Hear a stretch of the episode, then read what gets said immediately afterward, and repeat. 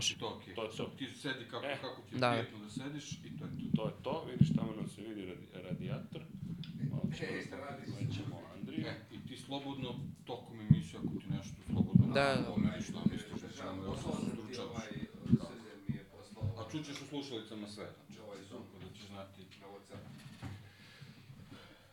E, pa dobro, dok ja sam ti poslušao to. Kad, kad može... E.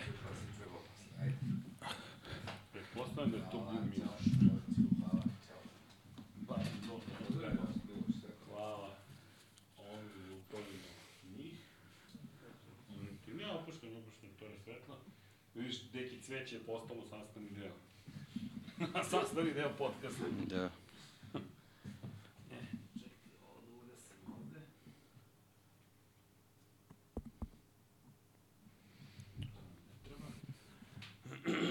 Dobro.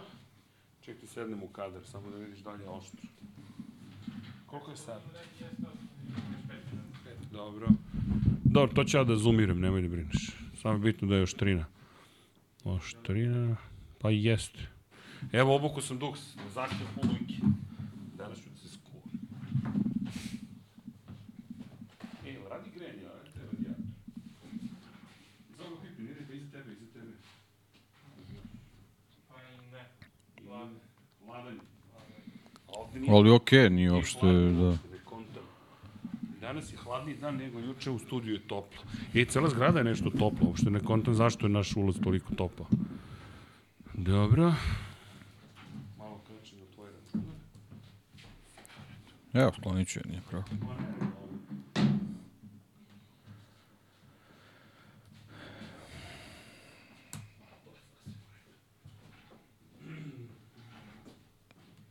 If it makes you happy.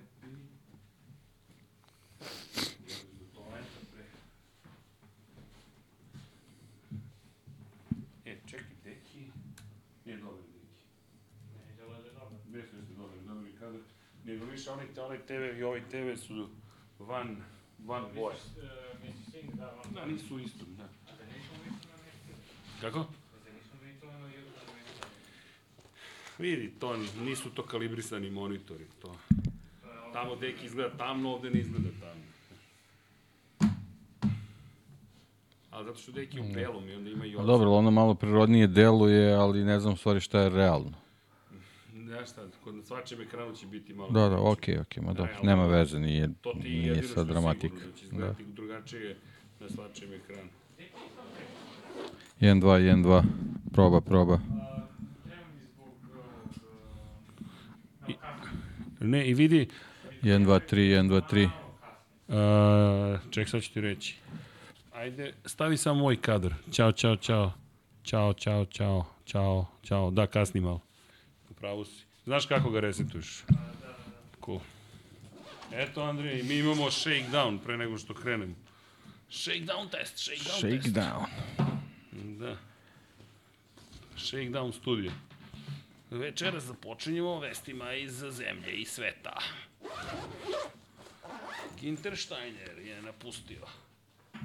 Rekao je, ako do sad nismo potpisali ugovor sa Andrijom, neću više da vodim, da vodim Haas ekipu, napuštam sve i idem, idem u neki novi život, romantični. Ne, ne, ali vidi ko, šta ti je, šta ti je moć medija. Čovjek koji nije ostvario nikakav uspeh sa ekipom, je toliko popularan da svi plaču što je Ginter Steiner ot otišao, razumiješ? Znači, nevjerovatno, moć medija je ludačka. Udilo mozga. Imaš sve? Treba nešto? Ništa, ja ću lagano Dobro. sam. I ako hoćeš, možeš i ovdje da se prelaziš. Neka me tu. tamo. Šta god da radiš, opušteno skroz. Dobro, hvala. Za koliko krećemo? Sad ćemo, evo za par minuta.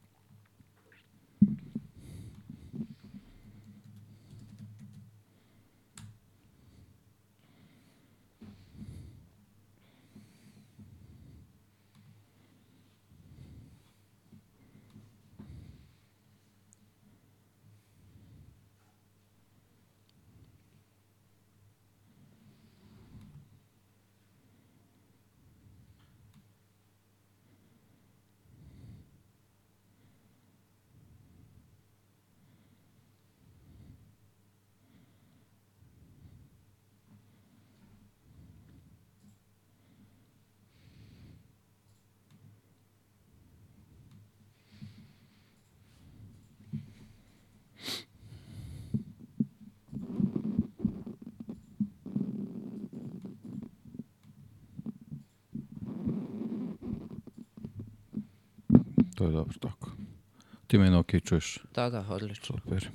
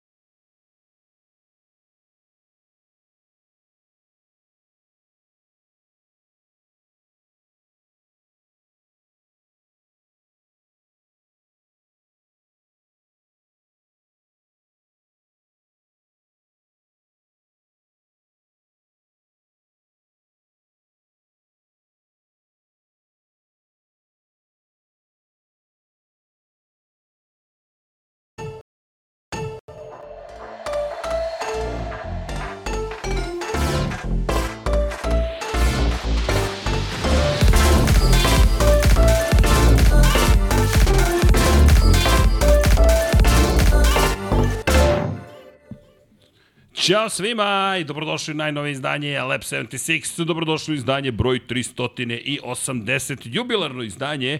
Deki, dugo se nismo videli, pre svega pre što krenemo moram da kažem, Deki, dugo se nismo videli, ali da vam kažem i da se nadam da ste dobro i da ne znam da smo ih aktivniju zimu imali ikada zapravo, videli smo se juče, videli smo se prekjuče, vidimo se, šta radimo sutra, Deki? Zato pada sneg. Za, zato pada sneg koji je došao iz Japana, kao i tvoja dukserica, ali naravno, kao šta ono hoćemo da vam kažemo, kao i uvijek, mazite se, pazite se, budite dobri i vozite računa jedni od drugima i naravno, budite dobri generalno, to je poruka univerzalna i ja se nadam da ćemo uspeti stalno da je prenosimo. Dobili ste i moj potpis večera sa nama, inače neću vam reći ko je u studiju, kao ne znate, niste pročitali nastavu, ali to je Johnny koji je večeras zadužen za sve ono što se događa iza. Ovo nije Johnny, ovo je Andrija. Ovo je Andrija Kostić koji je sa nama večeras i mogli ste da vidite gost koji nam dolazi, ne baš iz Italije, ali koji nam dolazi kao nova nada, kao što smo mi obećali da ćemo ove godine sve i svašta da radimo, pa tako smo rešili da neke nove klinke i klince upoznate, u ovom slučaju nekoga ko će voziti jedan od najčih šampionata na svetu, ali, ali, ali, iako Andrej još nije ni stigao da dobi reč, ja ću samo da kažem, nemoj da bude kao sa, sa tvojim drugarom Andrejem koji u pet minuta sve rekao. Ne, Polako, nije, nik, ovo je najbolja televizija na svetu. YouTube imamo vremena koliko god želiš i lepo ćemo da se nadam ispričamo i želimo da te upoznamo, kao što smo i obećali, ajmo da, da ne bude kad budeš uspeo, mi ćemo te zvati u Lab 76. Ne, ajmo da kada krećeš putem neke karijere koja zvuči vrlo ozbiljno, već sad iako tek dve godine voziš, ne, sad ću da stanem, mi ti želimo pre svega ti bude lepa godina kao i svima ostalima, da se samo okrenem pre nego što krenemo da pričamo, da, Ginter Steiner je otišao iz Hasa, ljudi, ali ne može da bude veća zvezda od Andrije Kostića večeras. Ginter Steiner morat će da čeka Netflix i morat ćete sačekati ponedeljak da čujete šta imamo da kažemo na temu Gintera Steinera, velike zvezde koja nije ništa postigla u Formuli 1, neka ostane na tome. Ali, ljudi, ajmo mi da krenemo u ono zbog čega smo se skupili danas, a to je da pričamo o jednoj, mi se nadamo, od lepoj karijeri. Karijera, imamo, dogovarali smo se nešto oko pitanja i tako dalje, ali pre svega, kako si, Andrija? Odlično. Odlično. Nikad bolje. Nikad bolje, to dobro zvuči. A, Da, samo što je bitno, da li te čujemo dobro. I publiku molim da nam kaže, možda ćete te malo zamoliti mikrofon bliže sebi da privučeš onako pevački. Si nekad pevao? Nikad. Karaoke, nikada. A, ne, veze, tu smo u studiju da započnemo tu priču. Ej, drago nam je da te vidimo. I morate pitati, koliko imaš godina za početak? 14. Ja mislim da si ti najmlađi gost koga smo ikada imali. Deki, je li bio neko mlađi od 14 godina? Ne računamo. Paju, pazi. Da, da, da, Paja, samo po, Paja, Paja, da. Paja koji je počeo malo... A pa trendiran. nije gost, tako da ne, ne možemo ga stavimo u tu najmlađi kategoriju. domaćin, Da. tako je, nije gost, najmlađi čovjek u studiju. E, vidi, lepo te je vidjeti, nadam se da si prečiv, da ćemo te, znam da si prečiv, sad samo da te malo pokrenemo u celu priču, ali 14 godina, čekaj, koji si ti godište? 2000? 2009. 15. marta. Jao, čekaj, deki, znaš ko je svoju titulu 2009? Nemam pa.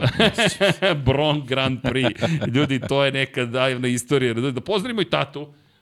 Tata je Miloš tu takođe, iako se on tamo sakrio negde u mraku s druge strane, neće da se oglašava previše, ali ne brinite, svi smo tu i zašto smo se skupili, pa Rekli smo, rekli smo već Deki i ja i Paja da ćemo se zaista truditi ove godine da vam, da vam prikažemo više stvari, da upoznamo nove ljude, da neke nove nade vam predstavimo i da pričamo o tome šta nas čeka u 2024. pa nas čeka mnogo toga. Da, čuli ste da će voziti najči šampionat Formule 4, ali ova priča ovoga puta ima uvod i mi ćemo malo da napravimo u klasičan uvod. Ja moramo da te pitamo, dakle uopšte ljubav prema trkanju? Zašto trkanju? Dakle ti to? Pa, od uvek sam bio fan Formula 1, naravno. Stvarno? Da. Kako I- je to krenulo? Čekaj, s kim si, s tatom, s mamom? Ko je, ko voli u kući ili si ti to sam otkrio? Pa onako, oni su voljeli, oni su me uputili u to, ali nikad nisu bili toliko aktivni oko te, To, ko, tih stvari. Obično posao i dobro, tako. dakle, niko se nije trkao u porodici do sada. Niko. Čekaj, ali ti imaš ljubav prema... Pa vidi, svi mi volimo Formulu 1, ali i sad kažeš, ok, gledam, trkamo se. Koje ti je bilo? Se sećaš prve trke koju si gledao možda? Ja? Da. Ne. ne, ok, više mi je zanimljivo, pošto kažem, nismo mlađeg imali gosta u studiju, ali od te ljubavi ti dođe danas do toga da voziš Formulu 4, kako se to preraslo uopšte u karijeru? Kad si ti počeo uopšte da voziš? 18. februara 2022. Još nema ni dve godine kako sam. 18. februar 2000, mislim da smo mi tada imali 150 i 200 ti podcast otprilike. Čekaj, samo da vratim malo film. 18. februar 2022. Deki, ja se ne šalim, to je bukvalno bilo Ko nam je tada bio gost? Ja mislim da smo mi to, to je zima pre nego, to je Verstappen je tek postao prvi put šampion sveta i mi smo tek pripremali se za novu, novu eru u Formuli 1 i ti si tada seo u šta? U karting. U, u karting. Mini. Mini, dobro. A ćeš da nam objasniš Pa mini karting? či, Dobro. činjenica, ja sam za godinu i po dana promenio tri kategorije. Čekaj, ko si, ajmo, ajmo, ajmo, ajmo, ajmo nazad. Ti si krenuo 18. februara. Gde si vozio? Šta si vozio? Pa u Srbiji, Autokomers prva staza, Dobro? ali tu se nisu vozile trke, to je bila čisto proba da se uvedem u tu priču. Dobro, znači to je prvi ulazak u karting. Tako je. Od tad ljubav je rasla i rasla i I sad smo tu na domak Formule 4. pa ne na domak, već smo tu. O, to volim stav. Znao sam da će da se otvoriš još malo, ali e, imam jedno pitanje sada. Imam ih više zapravo. Ok, to je bio prvo sedanje u karting. Kada je bila prva trka? Pa odmah posle toga. Dobro? Isto nisam imao toliko testova i toga da se pripremim za trke, ali ne znam, neću da se hvalim toliko. Mi ćemo... Svi su rekli da sam talentovan i rekli su da sam već spreman za trke. I? Niko tako brzo nije iz treninga odmah krenuo da vozi.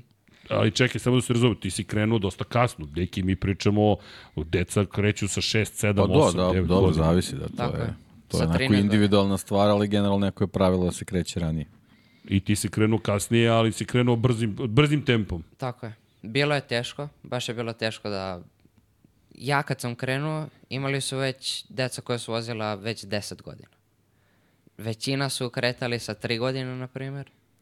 I sa 3 godine ja dolazim prvi put sedam i ja se borim sa prva trka, debitantna, a oni već voze 10 godina. Dobro, I to je onda- onako ozbiljan izazov. Čekate i ove godine, čekaj, doći ćemo mi do toga polako. I kako si prošao u toj prvoj trci? Pa ne baš najbolje. Dobro, koji si bio? E, mislim 22. ok, ali? Nema pa poko- nema, nema ve... Nisi se pokolebao. Ne. E, nisam se baš ni proslavio, ali prva trka od tad i napredujem iz trke, i tr- u, iz trke u trku, iz testa u test. U formuli isto. Svi su to primetili i svi su prezadovoljni u timu, baš zato što se vidi napredak iz testa. Čekaj, čekaj, doćemo i do tima, kako si ti zadovoljan? Mene zanima tvoj pogled, jer vidi, ovo je neverovatno, ti za dve godine stigneš do toga da voziš, da ti ćeš, samo da se razumemo, ti si potpisao ugovor sa Van Amersfoort Tako. Racingom. Dakle, to nije sad, mi se nadamo da ćeš ti potpisati ugovor, mi se nadamo da ćeš ti doći u jednu ozbiljnu ekipu. Mislim, za one koji ne znaju, ajde ja ću da napravim malu, malu, malu stajku i da samo spomenem par stvari. Van Amersfoort Racing je ljudi ekipa u kojoj je vozio Max Verstappen. Inače, Max Verstappen je prvi svoj nastup u jednosedu, samo da napravimo jasnu distinkciju. Karting je karting. Jednosed je jednosed, to je što Deki kaže formula otvorenih točkova, open wheel racing. I mi kada pričamo Van Amersfoort Racingu, mi pričamo o holandskoj ekipi, Inače, ona je osnovana 1975. Ali budimo realni od kada je Max ušao u formulu. Budimo realni, 76. je počeo da funkcioniše kako treba. Tako je, tad je počeo. E, znaš da je sledeće godine, izvini, 70, ove godine, sad se svađaju dalje 75. izdanje MotoGP ili 76. Pošto su prošle godine zaboravili da je 75. I, I sad ove godine slave 75 godine trkanja u MotoGP-u. A zapravo je Formula 1 75. izdanje, ali mi, što neki kaže, ove godine najbolje izdanje MotoGP 76. Ali da mi ne pobegnu misli, ono što hoću da kažem jeste, Van Amersfoort Racing je preozbiljna ekipa. Mi ovde pričamo o timu koji, ja moram ti priznati, kada si rekao, kada sam prvi put čuo, testiram za Van Amersfoort Racing, moje pitanje je bilo, molim, kako, kako misliš testiraš za Van Amersfoort Racing? Ti to doživeš tako hladnokrvno, ja bi na tvom mestu, veruj mi, sad skakao iz te stolice, zato što je Van Amersfoort Racing Van Amersfoort Racing. Mi pričamo o Charlesu Leclercu, mi pričamo o Maxu Verstappenu, ne bih da ti sad, ba, znaš onaj name dropping, bacam imena, ali mi pričamo o Denisu Haugeru, ne znam ko nije prošao kroz njihovu školu, čekao me te pitam, ti si testirao sa njima, Formulu 4. Testirao, I kako zadovoljni su bili, dali mi ugovor. Na godinu i dana. desilo se što se desilo. Tako. Dobro, dakle, čekaj. Godinu sad... dana, Dobro, ali godinu dana nije zato što kao zaslužio sam godinu dana, dobro. nego trebalo bi za godinu dana već da napravim neki veći korak u freku, možda Formula Regional ili čak i u trojku. Dobro. Većina ostaju više od godinu dana, ali a kako sam krenuo sa kartingom, kako sam toliko brzo napredovao, zašto ne bi odmah u trojku? Vidi, dopada mi se tvoj stav, deki, mi nismo imali ovakav stav. Mi smo ga čekali jedna, druga, treća, osma, peta godina. D- Samo nastavi da imaš taj stav. E sad samo naravno mora se potkrepi to i na stazi. Ali Van Amersfoort Racing je ekipa koja, kažem, mnogo je ozbiljna. Osnovana je davno, međutim mi sad govorimo o timu koji ove godine, inače Filipe Drugović je takođe vozio za ovu ekipu, u italijanskoj Formuli 4 Van Amersfoort je e, aktivan od 2017. godine. Prva postava je zapravo imala Filipe Drugovića u, u, u celoj priči, koji inače ostvario pobedu te sezone. Sledeće godine Frederik Vesti je vozio za Van Amersfoort Racing za one koji nisu pratili niže kategorije. Frederik Vesti se borio za titulu u Formuli 2 ove sezone. Sad ću onako da izbacujem ime- imena koje verujem da ljudi znaju koji prati. Denis Hauger je sledeće godine bio čovek koji je vozio za ovu ekipu. Jack Crawford je takođe vozio. Johnny Edgar je takođe vozio za ovu ekipu. Ono što je meni zanimljivo, pre dve sezone Oliver Berman je osvojio titulu italijanskoj Formuli 1. Inače, Denis Hauger je osvojio 2019. 2021. I pre- 2022. kada si ti debitovao zapravo, su imali Emersona Fittipaldija mlađeg u svojim redovima. Čisto da razumemo gde odlaziš. Prošle godine, treći su bili u šampionatu kao ekipa, imali su ekipu koja nije, ajde kažem, Brando Badoer, najzvučnije ime. Znaš, kad, kad mi, ti ja kad smo pričali prvi put, ti kažeš Brando je vozio, koji Brando? Brando Badoer. A ja razmišljam, čovječe, meni je Luka Badoer i dalje mlad u mojoj glavi.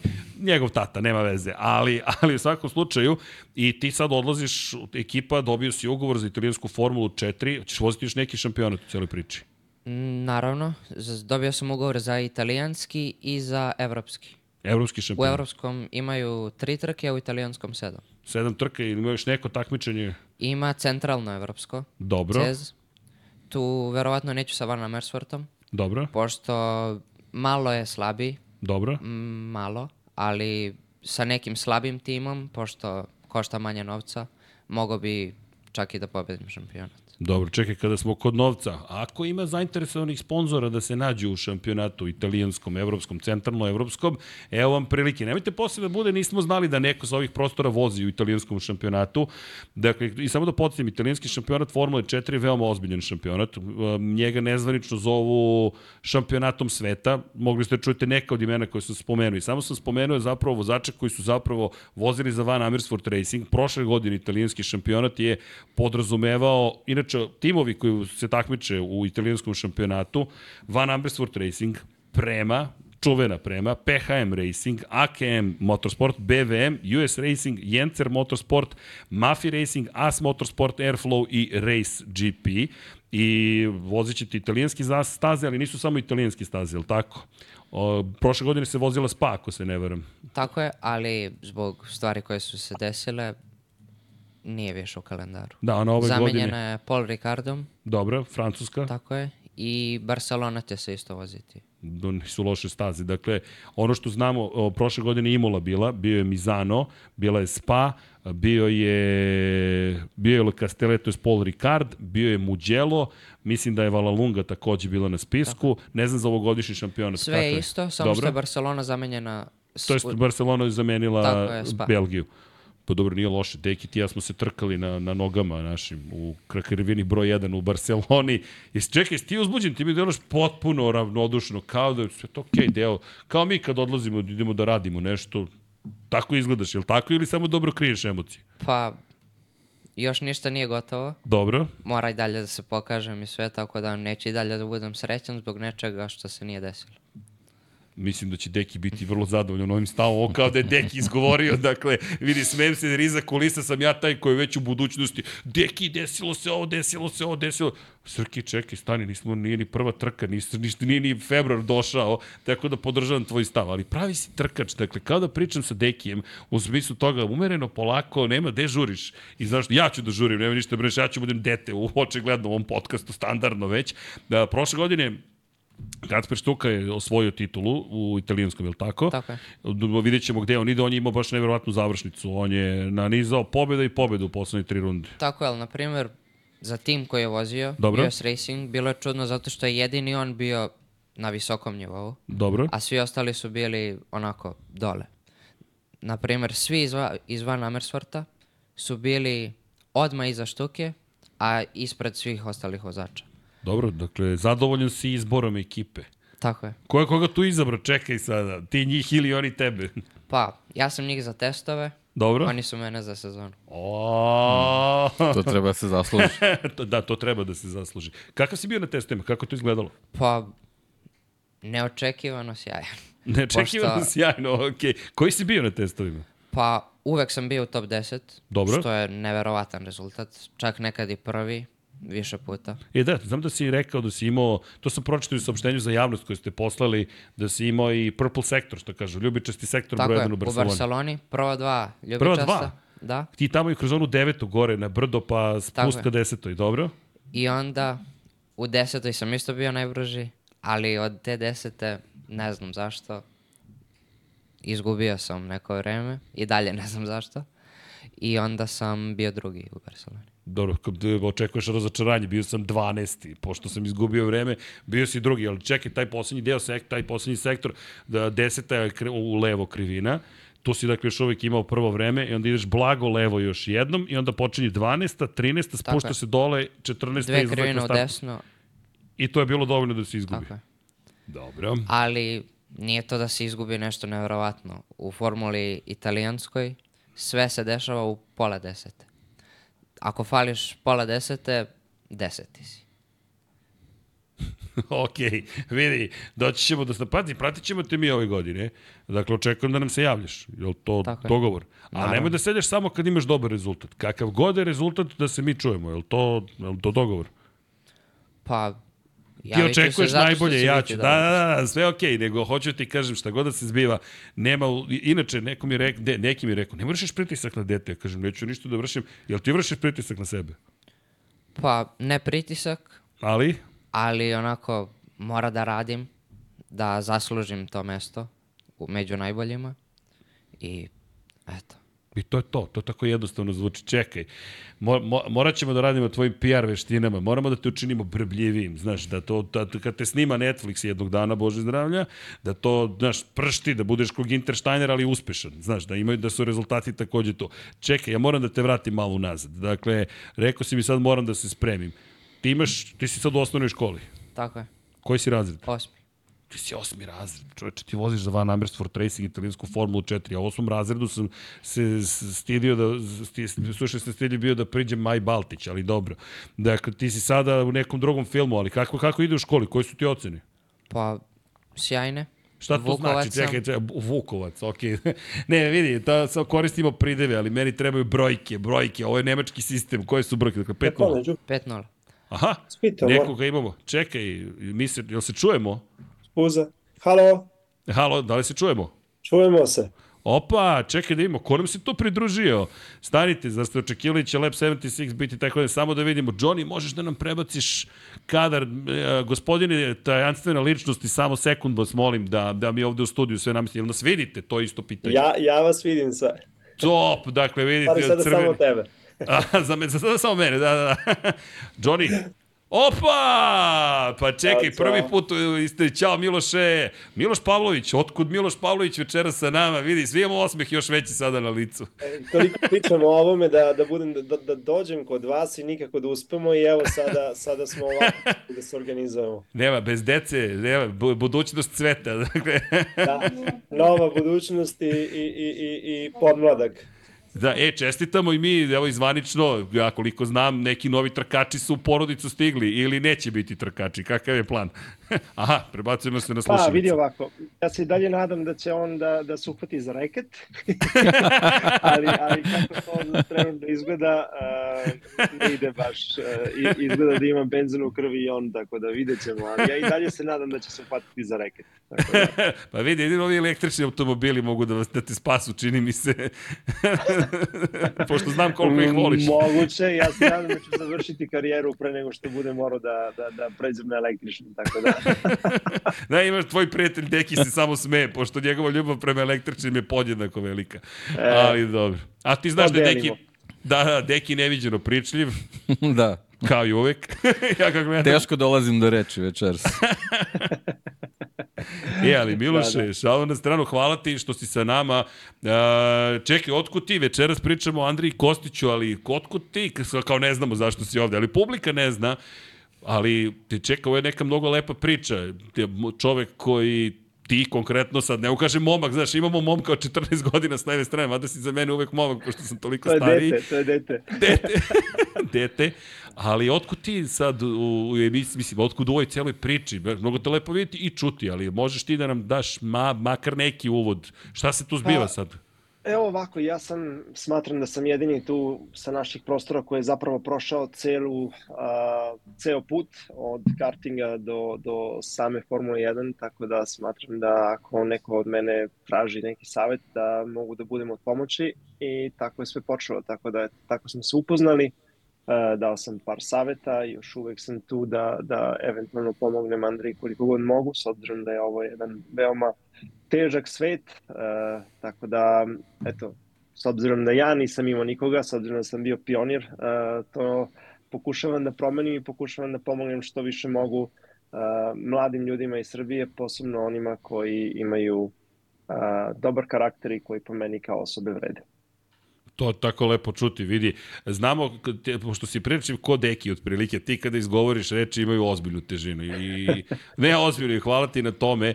A, koliko, ako te ja dobro razumem, ti sada si u fazi zapravo nekoga ko Mnogo si lepo rekao, ti nisi imao nikoga, ti si sam krčio put, ali tu ćemo priču da ispričamo kad nam stigneš, ja se nadam jednog dana u studio, ali mnogo lepo čuti sa tvoje strane da ti sada možeš da, da, da pomogneš i ubrzaš neke stvari, da se izbegnu greške, da se uh, ide pravim putem i iz te perspektive vas dvojica ste već u komunikaciji. Jel smem da te Da, da. pitam? Mi smo već u komunikaciji, uh, autosport kao i svaka druga industrija je jedan veoma mali svet, tako da u suštini svi mi se poznajemo međusobno i jednostavno smatram da znamo osobe koje vrede, osobe koje ne vrede, osobe koje treba izbjegavati i one s kojima vredi sarađivati. Tako da, eto, tu sam da, dam moj iskreni savet. Na kraju ostaje na Andriji i uh, ljudima kojima on najviše veruje da odluče da li da taj savet poslušaju, ne poslušaju, kojim putem da idu. Um, za sada smatram da je uradio stvarno dobre stvari, da ide pravim putem, da ima tim koji potencijalno može da mu da ono što traži i eto, na papiru je sve super, sada ćemo vidjeti kako će to izgledati na stazi. A što se tiče toga, kako si rekao na papiru, iz tvoje perspektive, možeš ti da nas malo upoznaš sa Van Amersfortom kao, kao ekipu? Pa Van Amersfoort je ekipa koju, koja je u suštini bila jedna veoma mala ekipa, za koju manje više ljudi su izbegavali da voze za taj tim, sve dok Max Verstappen nije otišao i pobedio, ako se ne varam, Formulu 3 i tada je ta ekipa jednostavno poletela. I danas je to jedan od jedan gigant u svetu autosporta. Imaju svoju ekipu koja ne vodi samo Formulu 4 već 3 i 2 i jednostavno ko uđe u, u, u taj kako da kažem program kod njih ako je dobar ima ispred sebe kako da kažem raskrčen put znači ima oko sebe tim koji je u stanju da ga dovede do praga Formule 1 E sada, to je sve na papiru, a jednostavno ponekad je stvari hemije, a, tako da treba Andrija jednostavno da klikne sa njima, da to funkcioniše i onda, onda si na pravo mesto. Tako da, nadam se da će to biti slučaj. Da, inače, kada spomenješ Van Amersfoort i Maxa, oni su u Evropskoj Formuli 3 zapravo prvi put nastupali. Prva trka koju on vozio jednosedu, kako ga, open wheel, jel te, jeste bila za Van Amersfoort Racing. Oni su čak na Zandvoort Mastersu zabeležili pobedu zajedno. I što ti kažeš, od tog momenta Van Amersfoort postaje ono što je danas. Do tada, ajde, budimo realni, u Holandiji više se pričalo o motociklima nego o Formuli 1, ali Maxov taj uspod, pa znaš i sam, Asen kad spomeneš ili nešto, da, da, motori, a, a Formula 1, a to je bilo 85. poslednji put, sada Holandija živi za Formulu 1. Ali, ali ovo, i kad, pogotovo kad ti kažeš, zaista zvuči sjajno. Ali ja moram da te pitam, izvini, prekinuo sam te. Ne, ne, ne, nisi me prekinuo, potpuno si u pravu. Uh, sve ovo što si rekao je potpuno ispravno. Uh, sada je Holandija uh, živi i gleda samo Verstappena, kao što je nekada Nemačka gledala samo prilike Schumachera. To je jednostavno kako, kako stvari funkcionišu, kao što kod nas gledamo samo Đokovića, tako manje više. Kao što ćemo da, i Andriju. Zna, možda ćemo jednog dana svi gledati samo Kostića. to ti kažem, razumemo se.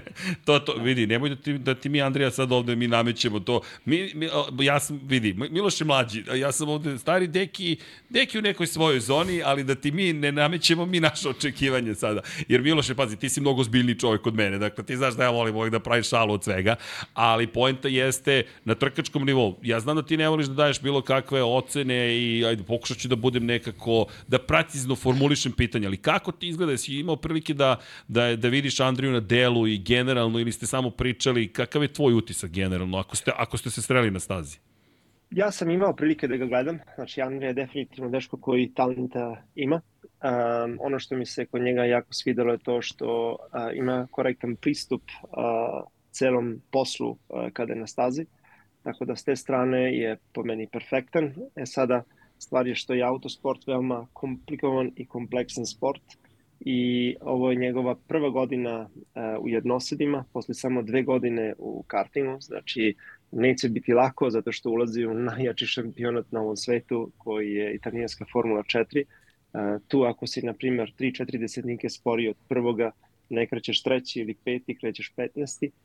Tako da ima ispred sebe sigurno uh, jedan uspon koji neće biti lak, znači mora dosta toga da nauči, um, ali smatram da ima oko sebe uh, dobar tim i smatram da ima dobar pristup i s obzirom na to uz talent koji ima, ja sam siguran da on može da postigne uh, puno. E sada, treba imati malo sreće, treba sve da se jednostavno, kao što sam rekao, uh, skocka i onda će biti sve okej. Okay.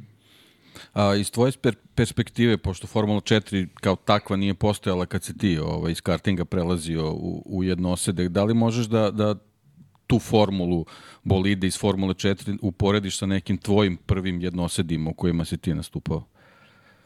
Pa, to bi moglo da se poradi sa Formulom Vauxhall Juniors, gde sam ja nastupao još davne, sada 1999. godine. Da. To, to je, tako da kažem, neke, nekako bio prvi korak kada, kada se prelazili iz kartinga u jednosede. I, i, ali, ali danas je to na potpuno novom nivou, zato što u moje vreme a, tačno je da je puno zavisilo od para i da je bilo jako puno kompetitivnih timova, ali danas je jednostavno um, mogu da kažem da Formula 4 se poredi sa možda Formulom 2 iz mog vremena zato što jednostavno potrebna je apsolutna perfekcija s obzirom na nivo konkurencije koji je, koji je u toj kategoriji. Mislim da, da kada ovakve stvari izgovoriš da je jasno gde ide zapravo Andrija sledeće godine. I pazi, njegov, njegov je dosta stav nonšalantan. Ja sam pred manje od dve godine prvi put vozio karting ovako, pa sam testirao, pa ispalo dobro, pa sam se malo trkao, pa prva, druga, treća klasa u kartingu, pa onda odjednom u jednosed. I ja kažem, ja da sam u osmom razredu osnovne, ti to znaš kako izgledalo, ali ja, ja ga gledam, on je potpuno hladnokran kao špricer i vrlo svesno mi deluje sebe. To, to, to je moj utisak. Tad vidiš, Andrija, što pričamo o tebi trećem licu, ali vratit ćemo se tebi nego da iskoristimo prosto Miloša kad ti to, ti si to prošao i kada ti ovo kažeš, to baš nekako meni dobija na snazi, jer znam koliko ti ne deliš tek tako komplimente, to, to pa, mora se zasluži. Vidi, najbolja stvar koju Andrija može da uradi je to da ostane opušten i da nastavi da radi e, svoj posao kako, kao što ga već radi, treba da ga radi sa osmehom, treba da uživa u tome, treba da se osjeća da je na najlepšem mestu na ovom svetu, kada je na bilo kojoj stazi, kada je u svom automobilu Tako da pritisak jednostavno samo nas odvaja od rezultata umesto da nas do rezultata dovede. Tako da njegov pristup, ako takav uspe da bude i, i, i kada bude vozio prvu trku u šampionatu, je sigurno nešto što je poželjno i, i nešto što je dobro. Tako da pritisak, pritisak nikako posebno sa 14 godina, to, to, to ne ide po meni. Vidi, nećemo da te zadržamo. Znamo da, da, da si u porodičnim obavezama i tako dalje. Drugo, hoćemo još da se ispričamo sa Andrijom. Mislim da mu teže pada što je u studiju nego što je da je u bolidu, otprilike. to sigurno. ti to znaš takođe. Da li bi radije sada bio u lambu svom ili bi seo i predstavio slušalice i pričao? definitivno bi bilo lakše u lambu, to, to definitivno. Ali, dakle, ali drago mi je da smo uspeli barem evo na kratko da porazgovaramo po prvi put sa kod, kod vas, tako da je super. Hvala ti Miloš za sve i hvala za svu podršku.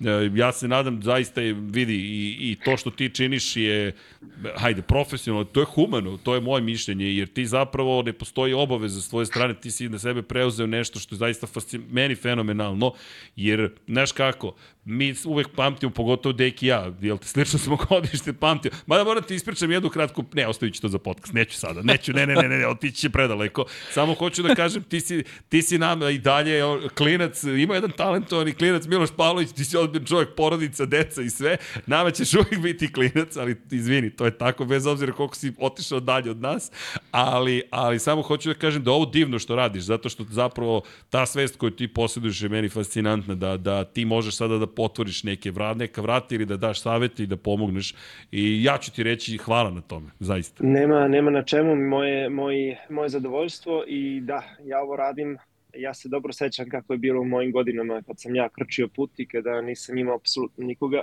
tako da znam koliko je teško i znam koliko moja pomoć e, možda koliko god skromna bila može da bude od značaja, tako da što da ne, ja sam tu, posebno kada je nova generacija u pitanju. Iako Sjajno. sam ja još uvek e, mladić od 17 godina. to je kao paja, to je pajin vršnjak. Da. to, to, to da, su vršnjaci. Ali, ali ja sam potom, ako, ja, ja Andriji želim sve najbolje, nadam se da će biti najuspešniji automobilista svih vremena iz Srbije i naravno ne samo njemu, znači svo, svo, svim, svom podmotku, da tako kažem, iz Srbije, da će uspeti da mene nadmaši. E, eto, sada je Andrija na, na stav na, na red, tako da e, šta da kažem, to je to, jednostavno to je život. Ja sam zadovoljan sa onim što sam uradio, gde idem, kuda idem i šta činim. Tako da ako mogu da pomognem nekom mladiću, mislim da bi bilo stvarno loše da to ne uradim i ide protiv moje ličnosti i protiv onoga što sam ja. Tako da, eto, to je to. Divno. Zaista ti hvala. Nećemo te zadržavamo, nadamo se, znamo da ti je raspored, kalendar ne popunjen, nego besmislen, a, tako da jednog dana kad te put nanese na Beograd, dovede nekako u Beograd, otećemo te, ali da znaš, ne na 10 minuta, otećemo te na jedno 3,5 sata, čisto da znaš kako to izgleda, to ti je, znaš, endurance race otprilike i nema, nema rezervnih vozača, nema promjena. A, a jel ima neko pečenje, piće? Vidi, rešit ćemo sve. to je uopšte biblioteka iza nas, to ćemo da završimo. Dogovoreno, obećavam, sledeći put kada dođem, zovem vas i organizujem. Opušteno. Hvala ti puno, Sjajno. Miloše. Hvala ti za na sve. vremenu puno. čujemo Ništa, se. Hvala vama, srećno Andrija, čujemo se. Hvala. Pozdrav. Ćao, Ćao. Miloše, ćao. se. E, Hvala Milošu, vidi, ta- tata nije čuo šta smo pričali, ali, ali negde može da nasluti, ali prosto i hvala Milošu što se odazvao pozivu, vi, vi zapravo ste u kontaktu sa Milošem i znam da, ste, da smo pričali, da ste rekli čekaj da zovemo Miloša da ima da li može da nam se pridruži. Miloš je zapravo neko ko, kako ste uopšte stupili u kontakt sa, sa Milošem? Da možeš malo da nam otkriješ? Pa, to je bilo na tati. Na tati, dobro. Ali stvarno kada smo se upoznali sa njim, neverovatan, ne, neverovatno iskustvo. Kako priča, svaku reč koju kaže promeni nešto u meni. Dobro. Uvek utiče na mene, na dobar način naravno. I stvarno imamo pravog čovjeka iza sebe. I to je to. Da vidi, kao da te on školovao, malo reči, mnogo toga se kaže, ne vredi, ja moram vas u show biznis nekako da uteram, samo ne znam kako, ne, ne uspeva mi nikako, ali činjenica je da ono što sam i rekao, ti verovatno bi sada sedeo u F4 radije nego što bi sedeo ovde. Pa uvek. uvek. Hvala ti. Tako i treba. Čekaj, kakav je osjećaj kada si u Formuli 4? Neverovatan, stvarno. Adrenalin. Kako ti izgleda taj prvi susret sa bolidom? Pa nisam bio svestan šta vozim u to vreme. Onako, bilo mi je sve brzo iz kartinga u Formulu 4, veliki skok. I sa tim, tom telemetrijom, tim načinom Kako rada... te ekipa upoznala sa automobilom? Ili si imao nekog inženjera samo za tebe? Tako je, ili... tako je. Kako Svako ima svog to? inženjera, tri mehaničara. Mhm. I u prvom timu nije bilo na tolikom visokom nivou kao u Van Amersworthu, ali Van Amersworth nema bolje od toga. Tako da, to je to. Ali, stvarno, neverovatno iskustvo i radim ono što volim. Tako da to Reci mi kako ti je delovao osjećaj brzine prvi put kad si, kad si ovaj, Pa- dodao gas? Ubrzanje je neopisivo i isto tako zbog sile potiska i u krivini. Mi nemamo toliko puno kao Formula 3 i 2, a Dobro, ali tebi je jedan. bila razlika u odnosu na karting Tako je. Tako je. neverovatno, Velike staze, Da, da. Kako, Takmičari kako je delovala staza? konkurencija prevelika. Dugački pravac niko se završio, da, startni. Da, ali na pravcu, na primjer, ne osjetiš tu brzinu kao i u krivini. jeste, jeste. Tek kad dođeš na kočenju, u stvari shvatiš razliku. je. Da. Razlika između jednoseda i kola isto prevelika zbog brzine u krivini. Naravno. Jedno pitanje, sad ja moram da, da kopamo dalje, Pri- pričao sam inženjerima, vidi, ti isto, te- tebi to kao pa, svakodnevnica desilo se, ali konkretno upoznaješ inženjera, šta vas dvojica pričate, šta ti govori inženjer pre nego što uđeš u kola, šta ti govori kada izađeš iz kola, iz kola? Kako izgleda telemetrija u tvojim ruk, šta ti on pokazuje? Pa uvek gledamo kako da možemo da poboljšamo auto, ja i on. Ja uvek pokušavam da izvučem najviše što mogu iz njega i da iskoristim njegovo znanje.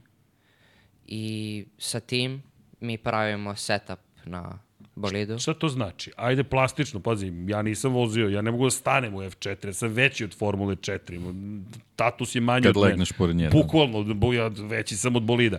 Ali konkretno šta, šta ti on govori? Uh, opruge, oslanjanje, odnos brzina, kako to, kako to izgleda? Ajde nam malo otkri kako, kako to izgleda iz tvoje perspektive. Tako je.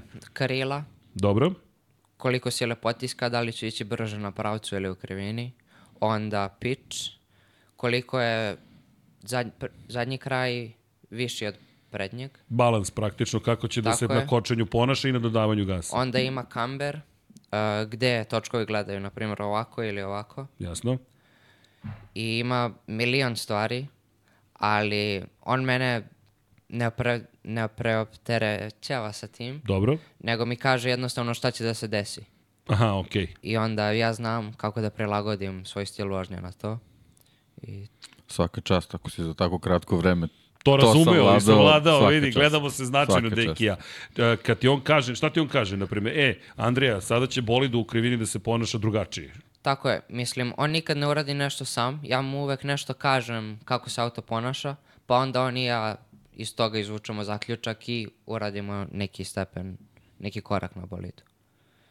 Dobro, Nekad, ne mora da znači da je to uvek dobro, nekad se meni nešto ne sviđa, ali... Šta znači ne sviđa ti put, se? Pa, na primjer, previše gripa napred, previše direktan auto kada skreneš u krivinu, dobro. mnogo skrene i onda to možda dovede do zadnjeg kraja da izgubi kontrolu. Oversteer takozvani, to je pre, preupravljanje, Tako gubiš zadnji kraj. Šta onda moraš da uradiš kada imaš preupravljanje? Oduzimaš gas, šta pa, radiš? da, zato što kad dodate gas, težina se prebaci na zadnji kraj i onda nema toliko težine na, težine na prednjem i gubite gripa pred, na prednjem kraju. E, okej, vidi, to moramo sada, da, da, da, da, jer vidi, te, tebi to deluje kao prirod, meni je neverovatno, ti si pre dve godine prvi put seo, ka, izvini Andrija, sad ja moram da se udušenjam, ja razumem da te, tebi, ali ti si pre dve godine seo u, u, u, na autoputu ovde u Beogradu, u auto Commerce karting i rekao, e, ovo je baš super. I onda si rekao, ajde da se trkamo, je li tako? Tako I je. počeo si da se, i kakvi su bili rezultati u kartingu? U kartingu ponovo napredovao sam iz trke u trku i kada smo završili tom pro, sa tom prvom godinom, promenio sam dve kategorije u toj prvoj godini Dobro, i za treću smo hteli samo jednu, ali nije bila veća od te. dobro. kategorije. I? Tako da fu, full fokus je bio samo na tu godinu, da napravimo dobar rezultat, zato što smo već planirali na nešto veće kasnije. Dobro, ali čekaj, šta, koji je bio rezultat na kraju? Ili ima nekih rezultata? Pa u ovom centralno-evropskom, Dobro, koji sam vozio, koji ću da vozim i u Formuli 4, ako prođu pregovori sa svim sponzorima i sve. Uh, u njemu sam bio peti. dobro. Bilo je dosta... Bilo je dosta... Bilo je očigledno da nemam iskustva, Dobro. ali ne po brzini, nego po stvarima koje radim na stazi. Naprimjer, neko obilaženje i to previše sam bio agresivan, mnogo sam želeo, sve više i više. Nekad to se ispostavilo da je bilo odlično, nekad malo lošije, ali dovede do izletanja nekad i to, to je izazvalo nemati veće, veću poziciju od pete. Ali dobro, to Pobedio je samo sam- stvar iskustva, Tako je, ništa naravno. drugo. Da. Ali ček- Pobedio sam trku u Beogradu kad je bila ovde. Centralno-evropski. Niko nije očekivao, svi su mislili onako, ali ponovo pokazao sam ko sam. Opa, I od tad, dobro. i od tad sam napredovao sve više i više i svi su bili iznenađeni. Ok, vidi, e, ti si toliko mlad, da tako imaš stav, jedan dobar, kvalitetan. Ja kažem ti, ja nisam imao taj stav, ali mi se dopada. Ono što mi je zanimljivo, pazi, to je tvoja debitanska sezona. Tako je. I ti si bio peti, ti mi deluješ nezadovoljno što si bio peti. Pa, ne, nezadovoljno. Nije nezadovoljno, ali uvek može bolje. Dobro. I bez tog stava ne možeš ni, ne može ni da se napreduje. Ok, vidi, dobar je stav. Inače da pozdravimo Luku, donirao je 100 dinara i kaže pozdrav za cijelu ekipu i budućeg šampiona. Hvala Luka. Hvala, Luka. Hvala, Hvala. Luka. Inače, e, kaže Torima Paće, ok, mi ćemo ti čitati nešto, ali mi deluje da možeš ti to da podneseš. I prošli put si nam bio u četu, bio kad, e da, kada je Andrej bio, jeste vozili na kraju?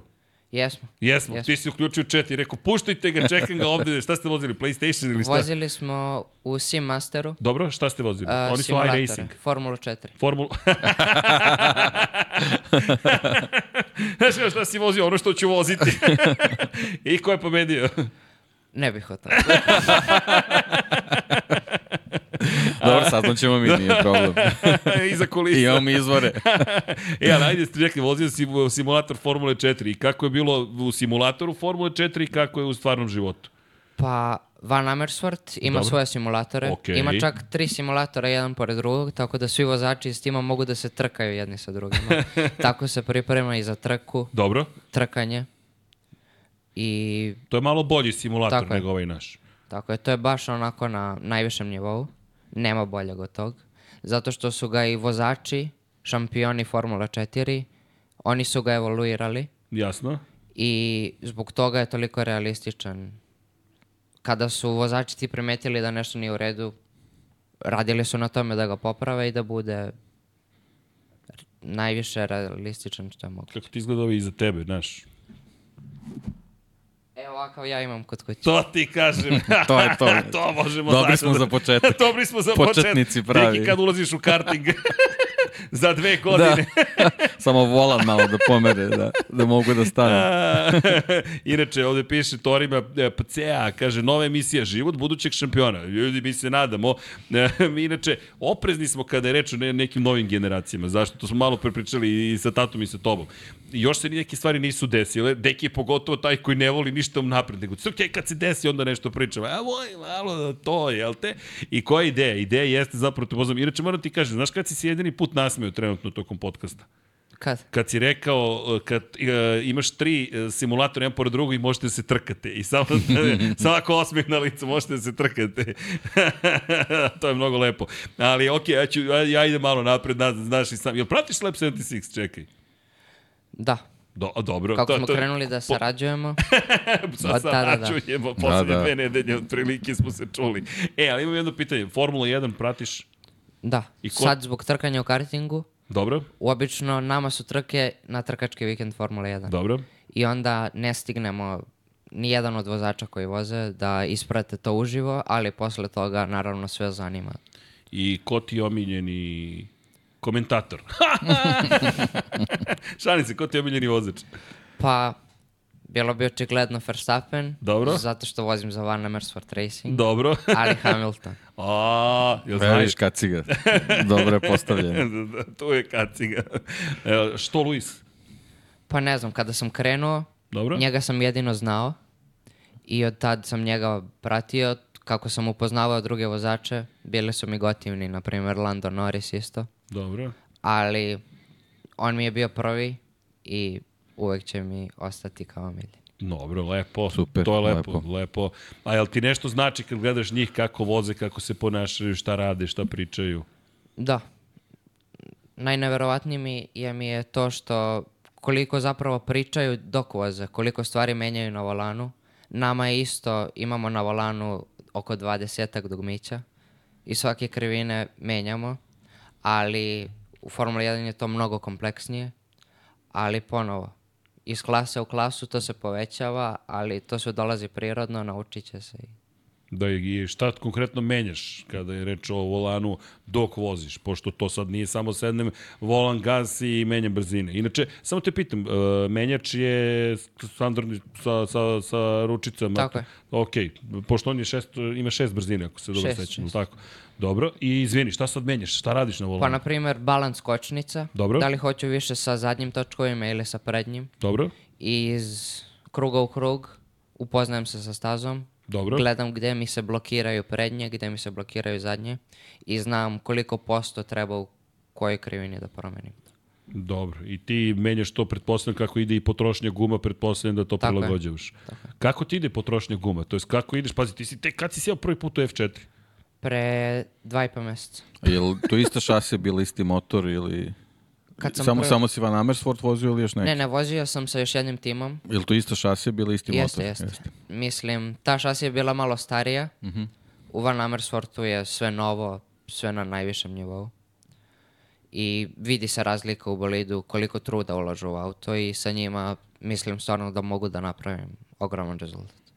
Super. Vidi, to, to mnogo lepo zvuči. Zašto smo spominjali Van Amersfoort Racing? I ovo što je Miloš rekao, Miloš, em što je riznica znanja, em što on kad kaže znaš da to što je rekao, ljudi, mi se smemo.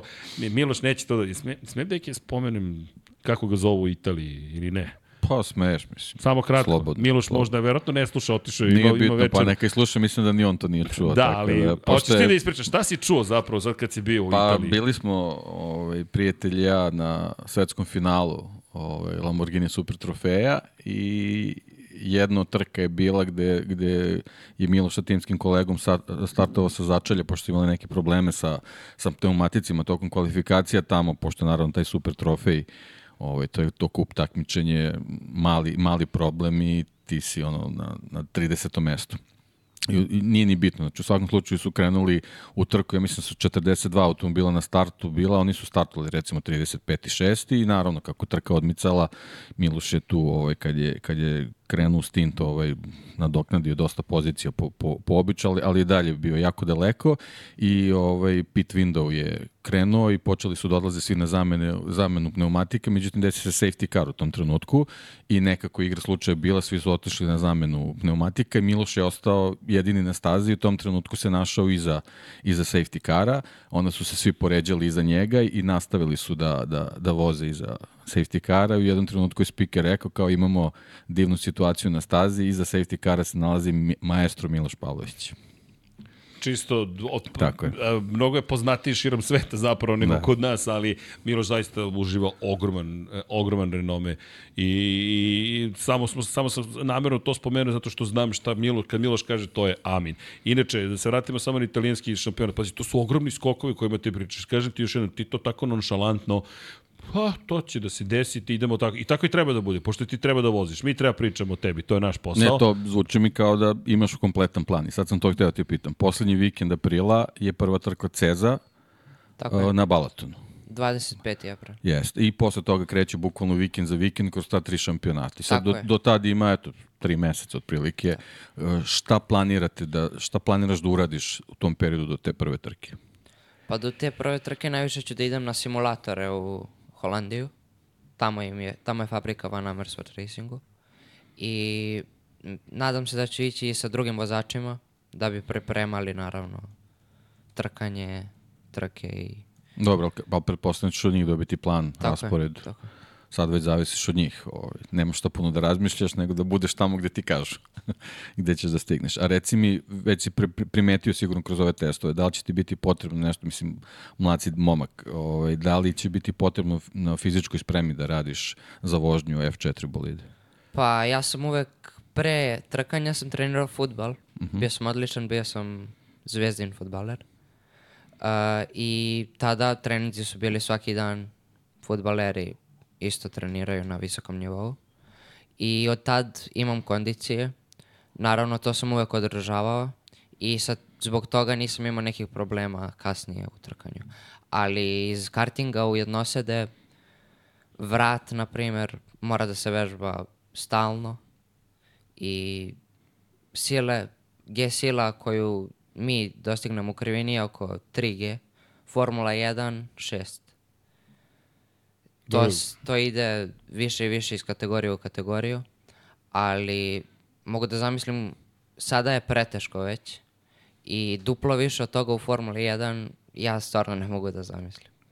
Ali sa godinama Tako i dalje je, sa, sam sa mlad. iskustvom, tako je. A reci mi samo da li ćeš vezano za te neke fizičke pripreme koje budeš provodio, da li će to isto biti po planu Van Amersfoort ili, ili to prepušteno da individualno radiš? A, pa, oni imaju i teretanu tamo kod njih.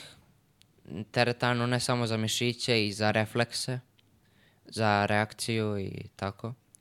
I kod njih ću i to da vežbam, ali daće mi oni plan sigurno. Za sada još ne, ali kad krene sezona, kad prvi put budem otišao na simulator, onda oni meni daju koje vežbe da radim. Jel imaš neki plan kad prvi put trebaš da budeš tamo? Pa sada, sada pregovaram oko toga. Treba bi sledeće nedelje, ja mislim. Da. Ma, uskoro, znači Još super. nije potvrđeno, ali zato što praznici... Jasno, jasno. Dobro, ali nema mnogo pauze. Ne, Već je sezona krenula. tako je. Mislim, meni to odgovara. Ja najviše što volim da radim je da vozim i nadam se da će mi to biti posao pravi. Profesionalno da se ti... Čekaj, kako je tata podneo, nema futbola, ide se u trkanje? Kako je mama podnela? Čekaj, stani, imam važnije pitanje. Pa, mama nikad ne, ne želi da ide ni na jednu trku zato što se mnogo plaši. Pozdrav za mamu. Tako je, ali i ona se sada navikla i podržava me. Mama i tata me najviše podržavaju. Miloš je uvek tu i sa njima najviše ću da dostignem. Dobro, to je, to, to mnogo lepo zvuči. I pozdrav za mamu. Ako neko razume, ja ne znam da li mama gleda, ali evo sad nije u bolidu. Mami verovatno više priče, prije podcasti, emisije, gostovanja nego bolida, ali mama ne brinite, sve to kako treba. Šta ćete, da vam je neko rekao, vjerojatno biste rekli, idi na futbol, sine, šta ima da se trkaš, ali dobro, lepo je što imaš podršku, znam koliko te tata podržava, tata zapravo i ti ste, a standardna priča, bez, bez porodice, nema, nema, jeste na drumu non stop, Da. Uvek idemo kolima, dobro? tako da, dugačke priče. I sa njim se uvek najviše slažem. Ne treba ni toliko da pričamo, znamo kako razmišljamo. I ništa, razumemo se. mnogo lepo, da, zaista mnogo lepo zvuči. Ne, ne, ne, ne, ne puštamo te mi još. I, gde si rođen inače? U Beogradu. U Beogradu. Samo, samo pitam, nikad ti to nisam pitao, meni to nikad ne, pa- ne pade mi na pamet prosto da, da, da te pitam. Ali, ali mi je prosto, eto, sad palo na pamet, posle jedno sat vremena razgovora od Rvike, ali dobro. I gde ideš u osnovnu školu? Ko je? Ruđer Bošković. Ruđer Bošković. Na Banovom bradu. Jel neko išao u Rođer Bošković iz studija? Nemam pojma. Ne znam, ja sam u Zemunu. Mi smo s one strane Mi reke, smo s da. one strane reke, da, da, da, da. Ali dobro. I kako je u školi? Kako se snalaziš uopšte sa, sa školom? Pa, malo teže zato što mnogo, mnogo izostajem zbog trka. Uvek treba otići i ranije da se pripremiš i fokus mi je uvek na trkama kada sam tamo. Ne razmišljam toliko u školi, ali u školi me svi razumeju. Imam sjajnu razrednu koja mi organizuje sve. Pozdrav, Pozdrav za razrednu. Da, da, pozdrav za like za razrednu, ljudi. Ajmo malo like za razrednu. Tako da imam svoj program u školi. Super. Nekad mi pomere test i Dobro, lepo je što imaju razumevanja, ali to što ti pokušavaš je zaista zahtevno. To, to, je, to je karijera koja je daleko od kuće, ti si non stop na drumu. Kad stižeš da učiš ili uspevaš da učiš? Pa, kada tata i ja putujemo, obično Dobro. tad, Dobro. kada se vraćamo u stvari. Jel tata na zna biologiju? Uvek razmišljam. Jeli? Jel mora da sluša? I... vidi, znamo kako je Tata to. mora sve da Tata zna. mora sve da zna. Svaki predmet, ne. A vidi, to je normalna stvar. Mene, najbolje mi kad me pozove neko ko ima dete u stvari, Herce, kako beše izvod? Ne otkud znam, gde se seća više izvoda, integrala i svega ostalo. A jel imaš neki omiljeni predmet u, u, u školi? Biologija. Bio, a, nisam znao, veruj mi, samo mi pao na pamet. I biologija. razredna mi je iz biologije. Opa, eto, biologija, ima nešto u toj biologiji, dakle, pozdrav za, za, za razrednu još jednom. Dobro, dakle, koristiš drum praktično da učiš, Tako je. dobre su ocene, školuj se, znaš da je Vukovac. školovanje. Vukovac, e, vidi, mnogo je bitno školovanje, nemoj, nemoj molim te to da zapostaviš. Znam da tata je već rekao, nema zapostavljanja, znam da je mama rekla, ako se dobro Da, razume. mamin uslov, Dobro? ako nisam Vukovac, ne mogu ni da vozim. O, Slažem se, apsolutno. Mama, respekt za mamu. Dakle, tako je, nema, ne, ne, nema šale. I dobar je uslov, moram da priznam, postavila. Do, po za sad to poštuješ, ili da? Da, ali Ali, bit će teže. ali mama, da ti najavimo 4.50 Pa ove dobro, godine. vidi, kad krene sezona, to je još mesec, mesec i po škole. Da, to će... Izgurat ćeš ti to, nije to problem. Čekaj, koji ćeš srednju? Ili imaš neki plan? Kako ćeš? Isto ću da nastavim. Moja škola ima i srednju školu. No, stvarno, nisam znao. Gimnaziju. Dobro. Super. Tako da nastavit će, ja mislim, i dalje da mi kompenzuju zbog trkanja. Dobro. I ništa. Dobro, to, to, to je Vukovac sad... u školi, Vukovac na stazi, to će se kompenzuje jedno s drugim i to je to. E, ali čekaj, ajmo kalendar, da stani sad. Mi Kalendar je, Ka- to sam- pogledao sam sad i... Deki, ajmo prođemo kalendar, čekaj. Mizano, prva trka ti je... Čekaj, čekaj, stani, Evo, polako. stani, stani. Evo ovako, ja ću stani, da otvorim CEZ, Dobro, ja A ću da otvorim da otvoriš- F1, F4, F1, ok, možda jednog dana i F1. ti ćeš da otvoriš a, a, Italiju, je li tako? Da, italijanski F4. Ali imamo i, i onaj evropski, Imamo i jel tako? evropski, tako je. E, sad Jer evropski, jel tako? Centralno E, evropski. centralno evropski. To je, to je CEZ, Ima da. italijanski, evropski i centralno. Kako imamo tri šampionata. Znači, e, prva trka je centralno-evropska, e, Balaton Park, A ti si otvorio CES. 27. i 28. april.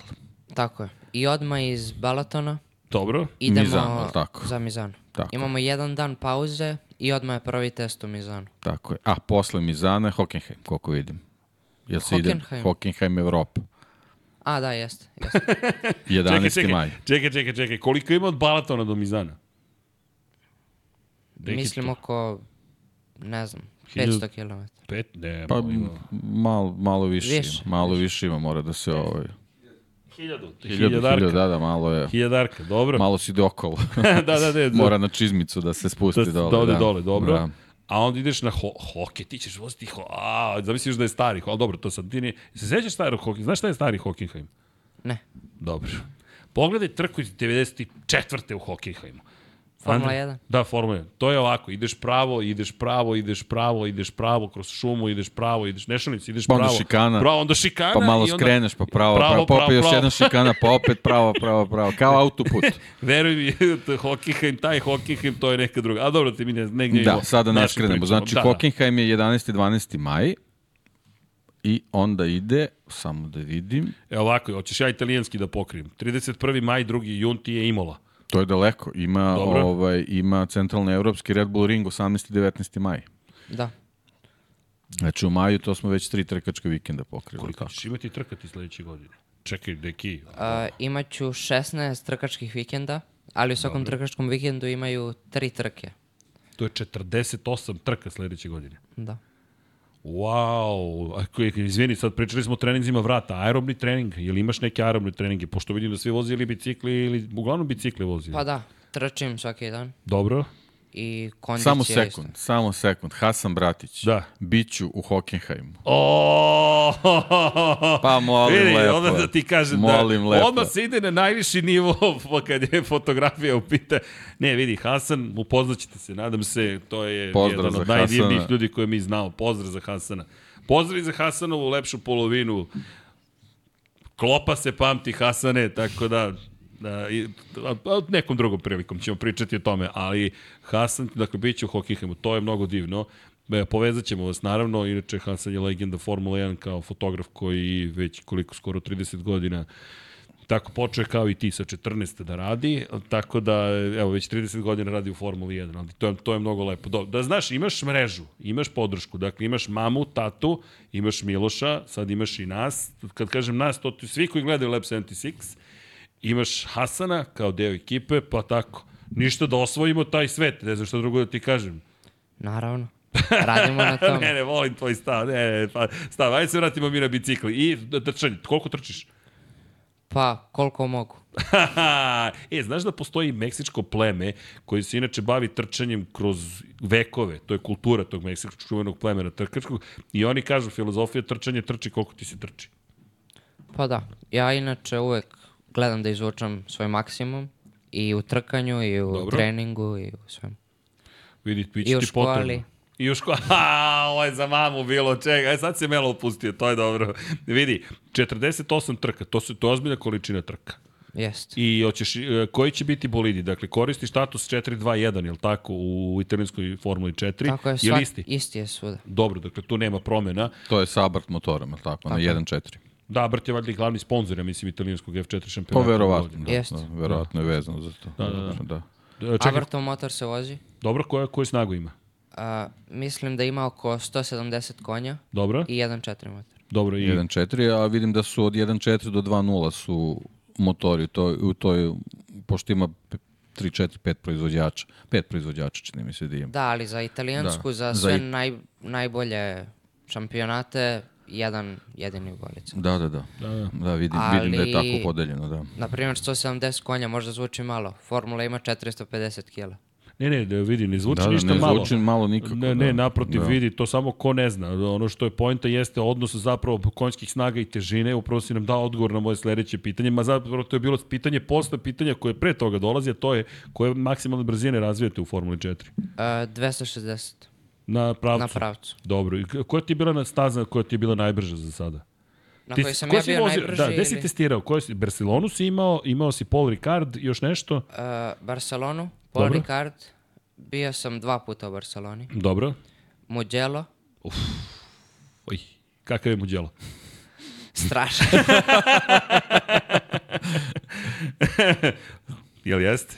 Jest, ali Ali? Koja je krivina? Samo mi reci koja je krivina. 6, 7, 8, 10. Je li tako? A, Samo sam to htio da čujem, samo to, ništa za one, više. Za one koji ne prate duže, to su krivine Kazanova Saveli, Arabijata 1, Arabijata 2, je tako? Dole, do, nizbrdo desno, levo, kompresija, pun gas uzbrdo kroz ljute krivine, Arabijata li bio 1, onaj, 2. onaj snimak uh, Russellov?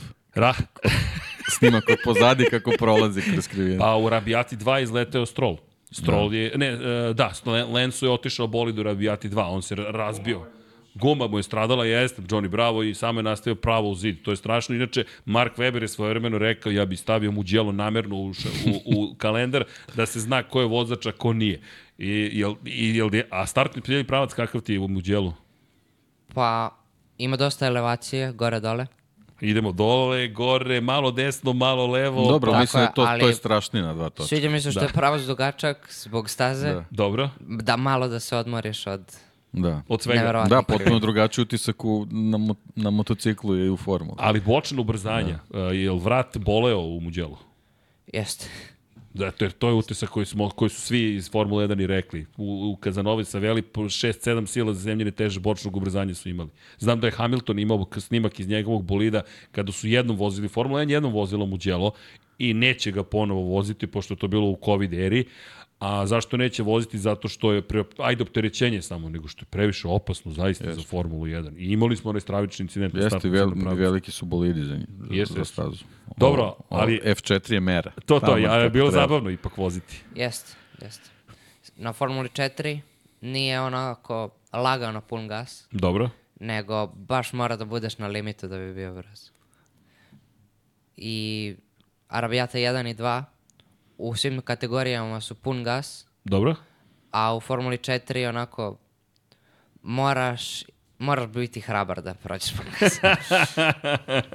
Zna- Samo kratka priča mog drugara koji vozi motocikli ovako, klubski, bio je pozvan na Ducati Day zapravo, iako vozi Yamahu, e, tak, to, toliko su bili impresionirani na navak u njegovom vožnjem, inače zove se isto Miloš Pavlović, nevjerovatno, ajde, svaki ko se zove Miloš Pavlović je brz, u svakom slučaju pozvali su ga, iako ima R6-icu, pozvali su ga u Muđelo i kad su, kad su mu objašnjavali Kazanovu sa Veli, objasnili su mu ovako, Vidi, nije pitanje da li ti to možeš, nego da li se usuđuješ. I to je bio odgovor kako sam vladati Kazanovu sa Veli. Ali dobro. I a koja ti se od tih staza najviše dopala? pa Mugello, Dobro? zbog brzine i svega, ali i najviše je tehnička staza. Vozač, kao što si rekao, dođe do izražaja najviše. Dobro, lepo. I mora isto da dodam, kad sam vozio u Mugello, vozio sam i po kiši. O, ho, ho, ho, to je već posebno. I koji po si bio?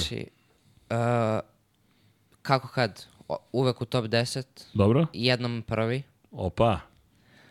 A, zanimljiva činjenica, uvek sam najbrži kada je pola kiša, pola suvo. Mark Marquez style. Jel, gledaš MotoGP, aj kad sam to spomenuo? Pa kad imam vremena, da. Ili imaš nekog omiljenog vozača? Marquez. Marquez, opa, kako sam znao. Što? Znam ja čije utice. ne, ne, vidi, vidi, ne, vidim agresivnost. Andrej, ne, da, to da. vidi, to je to. Zabavno je. Dobro, da, dobro, imaš, i jel si isprati ovo što odlazi u Ducati? Da, mislim, bit će se. da, to se svi, neki se pribojavaju, neki testu- se raduju. Na prvom testu odmah prvi.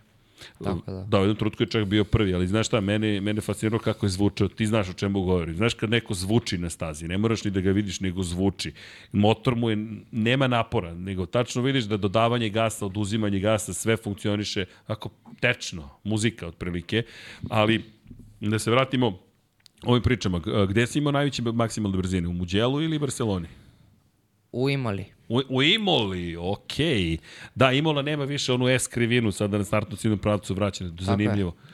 I Imolu se Pravac vozi. je najduži, Dobro, ali zbog sile potiska i krila, dobro. krivine brze i, i spore, tako da treba puno sile potiska.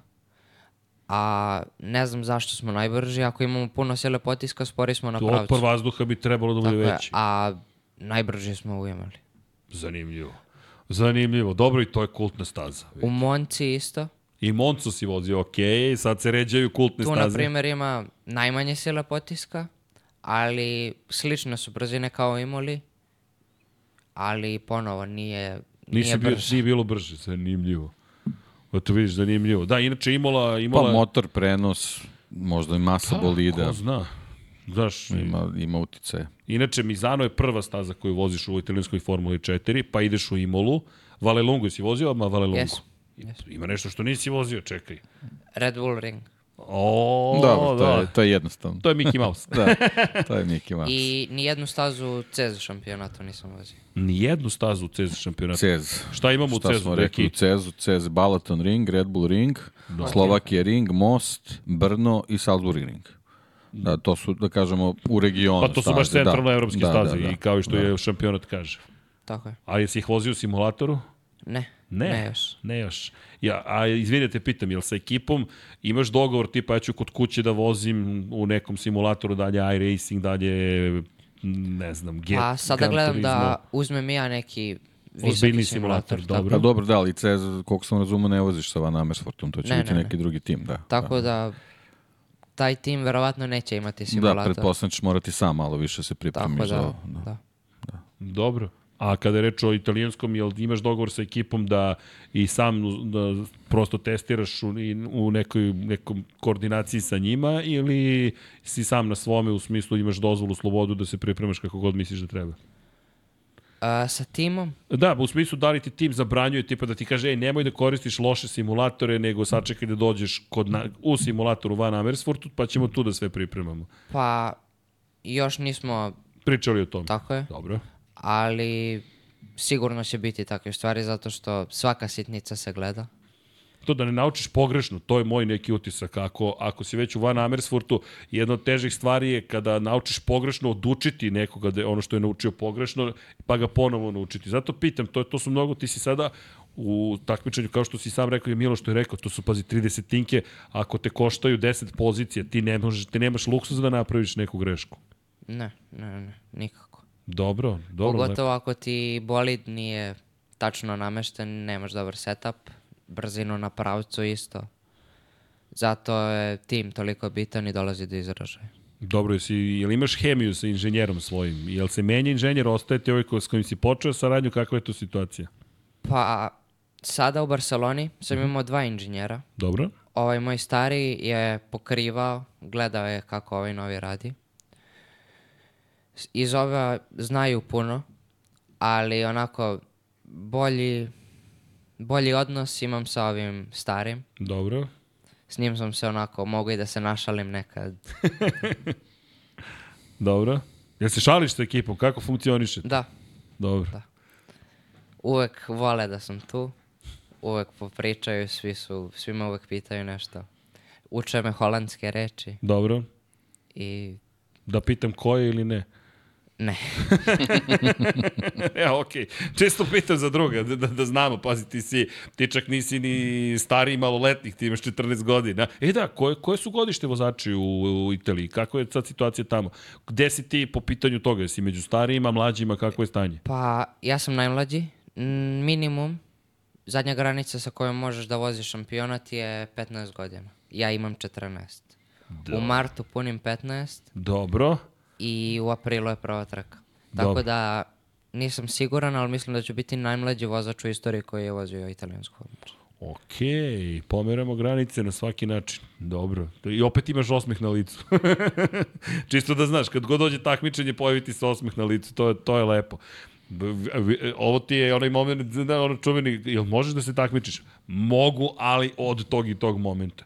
Dobro, to je super. Jesi zadovoljan time što je takva situacija i pozicija? Kako tebi sad to izgleda? Jel ti uopšte deluje stvarno nekako da si pre dve godine sedeo u kartingu tu u Komšiluku i da si sada u Monci, Muđelu, Valelungu si vozio, Barcelonu, Paul Ricard ili je to nekako došlo prirodno?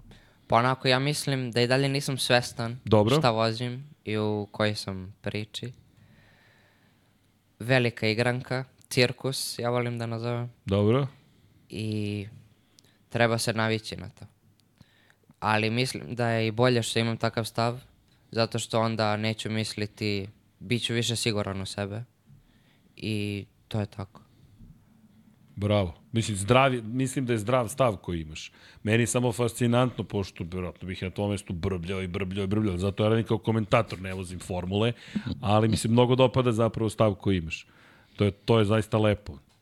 Tata, kakav, odakle ovakav stav? Šta je ovo? na tatu, da. Vidjet ćemo kad stignete kući. Na koga? Šalim se, naravno. Uvek, uvek je tako. A, uvek je tako. Kako kad? Dobro. Kad sam dobar, Onda si na tatu. Ne, ne, a, kako? ne, ne, kad sam dobar, svađaju se na koga sam. Da li sam, svađaju se da, A kad si loš, onda si... tako a, da. je, onda je suprotno.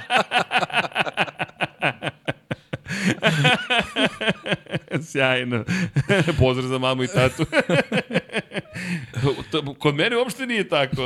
Inače, moja mama verovatno gleda. Samo da znaš, Bože zdravlje, ima da te prate, ohaj, moja mama ima 80 godina i evo je na četu u YouTube-u. Blamira me i dan danas. Ne vredi, Andrija, da znaš, to ti je tako i to ti se zove ljubav i nema šta, šta drugo. Je se tata raduje kad postigneš dobar rezultat ili je na zemlji? Uvek, uvek me podržava najviše. Dobro? On ide sa mnom na svaki test, svaku trku. I sa njim, onako, i kad mi je teško i kada nisam dobar, uvek me podrži, uvek popričam sa njim. Lepo. Lepo je. Ko je nervozniji, ti ili on? Pa, ja mislim on, ali on to nikad ne pokaže. Dobro, zato sad ovde koristimo priliku. Malo ga prozivamo da se opusti. Ima osmeh na licu, sve to kako treba. Dobro, i vas čeka baš ozbiljan put. Vas dvojica, pa kao i svi, kad pogledaš, sve su to tate, mame, deca, uvek ide od porodice, ali čeka 48 trka na različitim delovima sveta. To će biti ozbiljan, ozbiljan zadatak za vas dvojicu. Dakle, na drum i nema stajanja, pa ćete biti baš drumski rat. Koliko ćete hiljada kilometara imati ove godine? Pa, puno. Puno.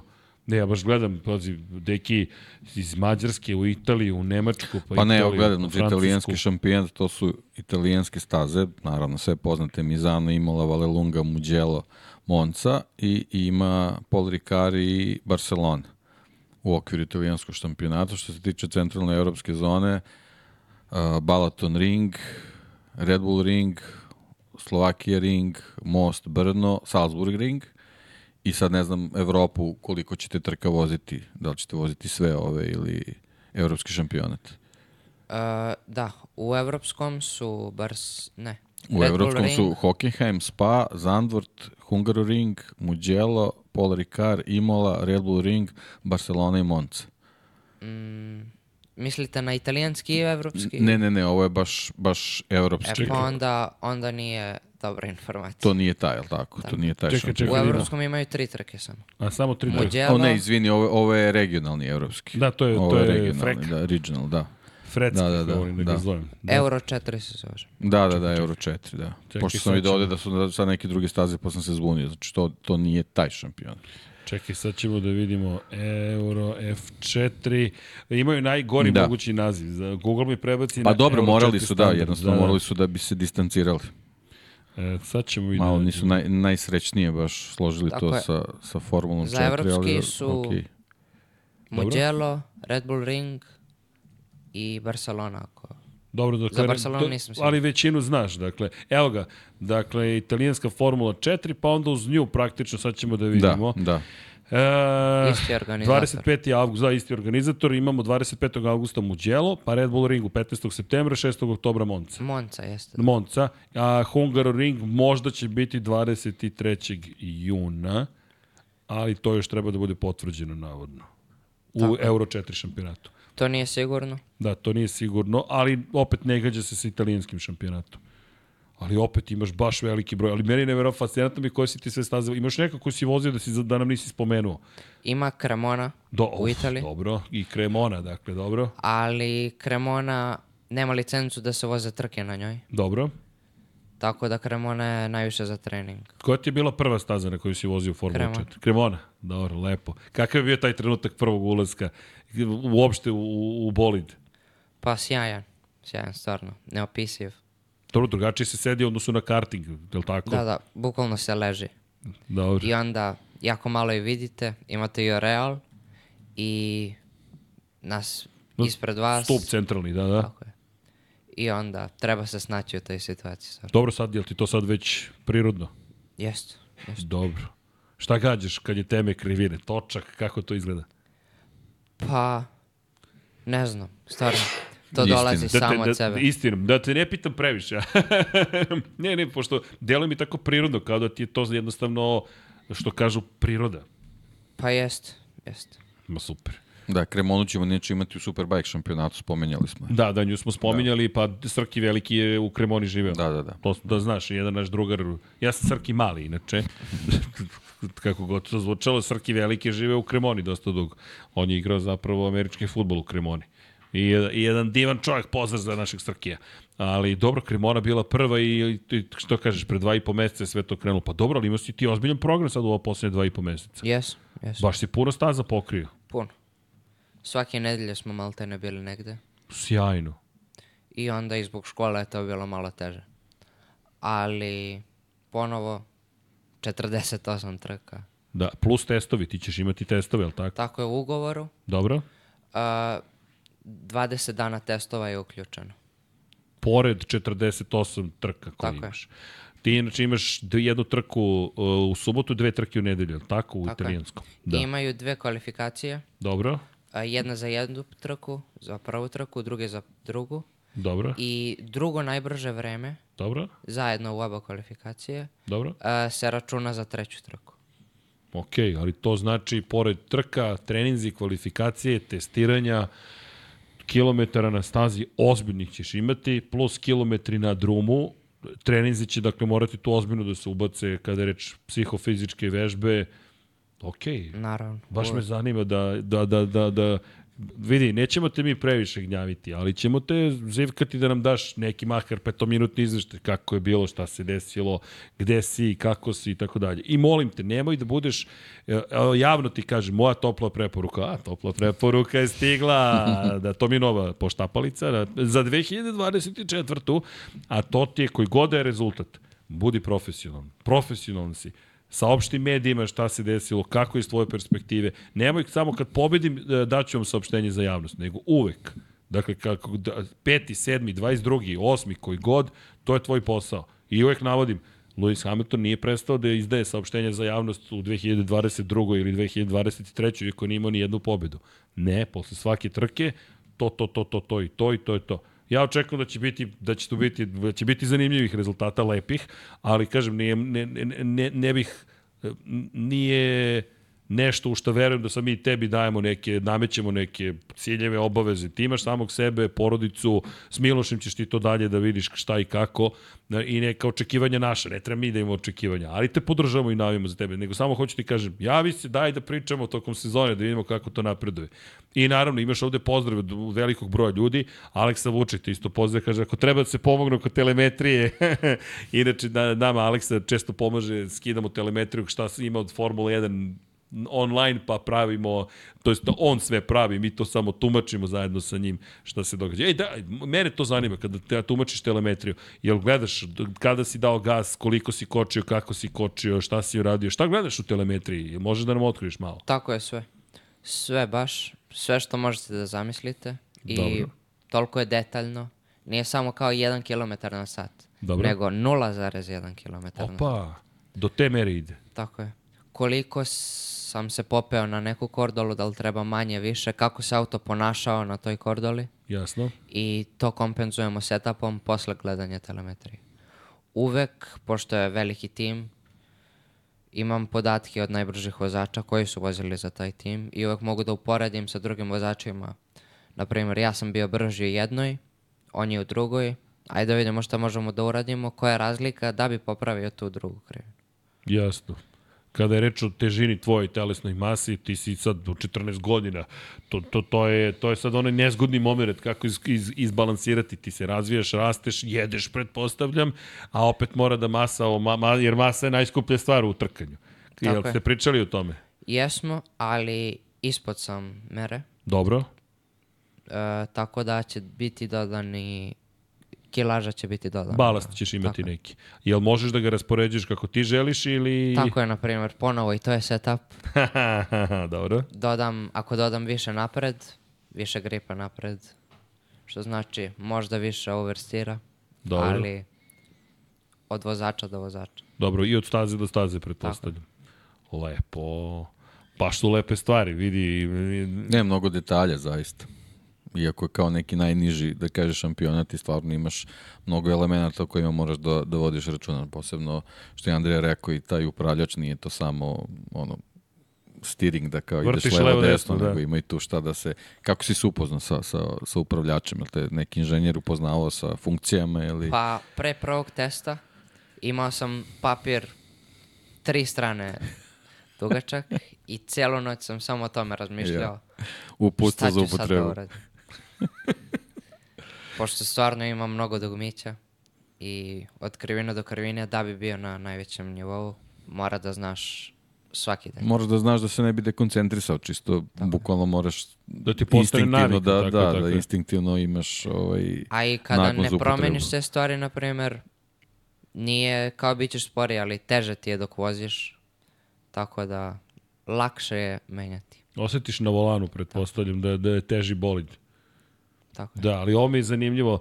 E, sjajan intervju je Matt Oaksley obavio sa Polom Espargarom u Moto Grand Prix koji je objašnjavao kako preko kordole, pasice, ivičnjaka, kako god da ga zovemo, on je prelazio namerno sa gas-gasom, to je KTM-om, kako bi mu povećao količinu prijanjanja. I on je bukvalno morao da koristi zato što tako je koncipiran prosto i motocikl i takva su podešavanja da ih i koristio, pa mi je fascinantno i ovo kad ti kažeš zapravo kako to koristiš i zapravo koliko detalja ima o, koje, o kojima ni ne razmišljamo, ne znam zamislimo Formulu 1 tek o čemu pričaju i kako pristupaju, pristupaju tome. Ne želim sad da, da, da, da, da idemo tako dalje, ali delo je što kaže Deki da, da imaš jasan plan, da imaš planove šta, gde, koji, kako. Koliko je važna takođe sezona iz perspektive sponzora, ja to namerno hoću da kažem, jer su sponzori mnogo važni i za početak moraju da dođu iz ovog regiona. E, Stalno, ajde, ne želim da ti pravim tu vrstu poređenja, ali neminovno, Novak Đoković je globalna zvezda. Kada je počinjao, nije bio globalna zvezda, bili su potrebni lokalni i regionalni sponzori. Kakva je tu situacija? Ili ima sponzora, nema sponzora? Pa, za sada još ne, ništa nije gotovo. Jasno? Da bi vozio celu sezonu, treba će mi sponzori, to je zasigurano. zasigurano. Da. Uh, ugovor je potpisan, Jasno. ali da bi došao do zadnje trke, treba stvarno neko da podrži. Jasno. I ništa. Radimo na tom. Dobro, vidi, naš je posao da, da pozovemo. Ja ću da ponovo pozovem kogod da gleda u snimku, uživo, kako god. Ako niste vi neko ko može da kaže, ej, sponzorizat ćemo ovog momka, prenesite nekome ko možda zna nekoga ko zna nekoga. Pa kao u Marvelovim filmovima, ajmo ljudi da sanjamo snove. Ono što je Miloš predivno rekao, vrlo neskromno, hajde da neko prevaziđe ovo što sam postigao. Miloš koji ima razloga da bude zadovoljan svojom karijerom, ali isto tako i mi imamo pravo da kažemo da bismo voleli da je dobio veću podršku u pravom trenutku. D- ne znam ni da li da pokušavam da jurim institucije ili ne, ali kogod, država, privatnici, zajednice, kako god, evo ga dečko koji je u Formuli 4 italijanskoj sa 14 godina. Sa 15 tek sme da se vozi, tek će moći da vozi, dakle, posle svog rođendana. I ja ne znam da li treba još neki poseban poziv da uputim iz te perspektive. Šta dolazi posle Formule 4 italijanske? Ona je najjača inače na svetu, ono što Miloš kaže, ne znam da je Miloš rekao, on nije zvanično svetski šampionat, pošto ni Formula 3 ni Formula 2 nisu svetski šampionati, ali ona se smatra najjačim šampionatom uz Freku. Freka i, F, i italijanska Formula 4. Italijanska čak mislim da je na, na najvišem nivou. Italijanska jeste, stvarno u Formuli 4 nema jače od nje. Jasno. A, ali, ponovo, pola desete puno košta. Jasno. I onda razlika između italijanskog i, na primjer, španskog. Jasno. U španskom pola desete je dva, tri, dve, tri pozicije, u italijanskom deset pozicija. Jasno. I iz te perspektive šta bi bio sledeći korak? Namerno ovo govorim povodom i sponzora. Šta bi bio korak Tako posle italijanske Pa sledeći korak, ako sa sponzorima bude sve u redu, može biti Freka, Dobro. a može biti i Formula 3. Dobro, pričamo, o- čisto da se Da. da. razumemo, Formula 3 koju gledamo uz Formulu 2 i Formulu 1. To je ta Formula 3. Nije neka sedma, deseta Formula 3, nego ti i Dino Beganović zajedno u šampionatu. Tako je. Formula 3 je oficijalna Formula 3, svi, svi šampioni iz Formule 4, Jasno? uh, koja je toliko kompetitivna, idu u Formulu 3. Tako da konkurencija se povećava duplo, duplo, duplo i nema veće. Da, okej. Okay. Da, i to u jako kratkom periodu. Da, baš je kratak period. Pri čemu ti si u školarac, u osnovnoj školi i drugo što se tu nema mnogo prostora kada je reč o godinama. To je baš sport jedan od surovijih sportova iz te Ali perspektive. tako i neotkriveni Kimi Raikkonen. Tako je, da. E da, Kimi nam je, ja, bravo Johnny, bravo. Ne znam da li ste ko je ostavio Kimija na sto, ali uh, jesi Johnny ti? Dobro, nabacio nam je ovde uh, za meč loptu, ali Kimi, koliko je trka imao Kimi? Dva, koliko ti imaš trka sada iza sebe uopšte, trenutno? Ček, samo moram da ti vratim mikrofon da, ima, da ti bude tačno ispred tebe. Mo- Da, moraš radio voditelj da nam budeš. Koliko trka imaš? U karti, Jesi brojao, da. pa Oko 40. Dobro, posle 40 trka u kartingu, ti si sad u italijanskoj Formuli 4. Činjenica, i ako stigneš do Formule 1, imaćeš više trka od Kimija, on je, on je nevjerovatan. Ima- Koliko je neki? 23 trke Pa od nešto, noseda. da, neki, neki 23 trke od smešan noseda. dvocifreni broj. Da, i onda je došao Petar Zaubir i rekao, o, ovo je budući šampion. Sad to ne funkcioniše više tako, ne može baš. Mada, ej čekaj, stani, da te pitam, Kimi Antonelli, ja, on ode čovek u Formulu 2, ali ste se sreli na stazi? Tako je, baš u Cremoni. Dobro? A, nije bio prvi put kad sam seo, ali već je bio peti, šesti. Dobro. I? A, on je vozio za tim svog tate. Dobro? Tata mu isto drži tim. Pročitali ste na početku emisije Dobro. AKM. Dobro? Andrea Kimi Antonelli, to je njegov ime. Dobro, dobro. I po njemu se zove tim. Dobro. A, sa njim sam vozio baš u Karamoni i stvarno svi su bili iznenađeni koliko je mala razlika između mene i njega. Da ste se sreli na stazi? Jesmo, obišao sam ga. Dobro, nemamo baš Mercedes da te podrži sada Pa da skočiš u Formulu 2, ali... Od njega stvarno nema bolje u tim jednosedima, Jasno. ali tu sam ja. Bravo, O, to ti... Ajmo like, ajmo ljudi like, ajmo jedan subscribe, može da padne na Andrin stav, vrlo jasan. Bravo, dobro. Vidi, ali ono što i, ma, ne, neću ništa ti ja govorim, sve, deluje mi da znaš vrlo dobro, ali dobro, lepo je da, to sam isto se seti, znam da si spominjao da, da, da, da, i da, da ste se streli na stazi, ali lepo što ti nećeš da otkriješ, ali ja ću da otkrijem, samo te upozorim, meni kad nešto ispričate, samo je pitanje trenutka kad ću te to pitati. Osim ako mi ne kažeš, molim te, nemoj to da spominješ, onda ću to da ispuštam. Čekaj, ti pomognemo da zategnemo. Eto ga, je li sad u redu? Dobro, ako hoćeš možeš malo da pomeriš mikrofon ovako. e, to ćemo morati da vežbamo. Vidi, to isto Van Amersfoort ćete vjerojatno vežbati ne samo holandske reči, nego i kako se nastupa u medijima i tako dalje i tako dalje. Sve je to deo show biznisa. I da, nijedan vozač ne voli da bude pred kamerama, svi kao, pogotovo Kimi, apropo, jel te, cele priče, jo, nemojte pred kamere, dajte mi da vozim, a šta da, šta da ti radim? To ti deo posla. Pogotovo ako, ako nadam se dođu sponzori. Ajmo sponzori, čekamo vas. Uvek. da, da, da. Nikad dovoljno. nije, nije, pa vidi. Po, I potrošit će vam sve pare, odmah da znate. Uopšte nemojte da brinete, neće ostati jednog centa, ali bit će uloženo Ali na bit ćete zadovoljni. Tako je, ali bit ćete zadovoljni. D- dobro, znaš šta sam zaboravio ti kažem? Kad cigu da nam doneseš, da ti vidi, da vidimo kakva je. Pa, mogu sliku možda da pokažem. Može, ako možeš pošalji mi na Whatsapp, pa ću da pošaljem Johnny-u, pa da je ne, ali ne veze, znaš šta, bit ćeš, družit ćemo se, evo, imaš Draganče Stanković, kaže mali kralj, e, vidi, polako stičeš na, ej, ljudi, ej, može negde da se gleda, stani, kako ćemo, sport klub bi trebalo da, da prenosi ove godine, ali nije to 100% sigurno da li će se Tako je, prenositi. na YouTube-u će uvek biti. Ok, Prenos. čisto da znate, ako ne bude mogućnosti da se prenosi YouTube, dakle zvanični kanal italijanskog šampionata, je li tako? Tako je. Uh, evropski i italijanski će biti na YouTube-u sigurno. Dobro. Ako sport klub, mislim, bit će i dalje na YouTube-u. Dobro, Ali bi bilo stvarno lepo da sport klub. Znam jednu osobu koja će da lobira na sport klubu. Daću vam svima i e-mail gde da pišete, tako da znate. office.sportklub.com A ovaj centralno evropski će biti na Eurosportu. Na Eurosportu. Dobro, centralno evropski, dakle, pratite na Eurosportu, da ponovit ću još jednom, office.sportklub.com i recite u Lab 76 smo čuli da postoji mogućnost da se prenosi italijanski F4, mi bismo da gledamo kako se trka Andrija Kostić. Ajmo zajednico.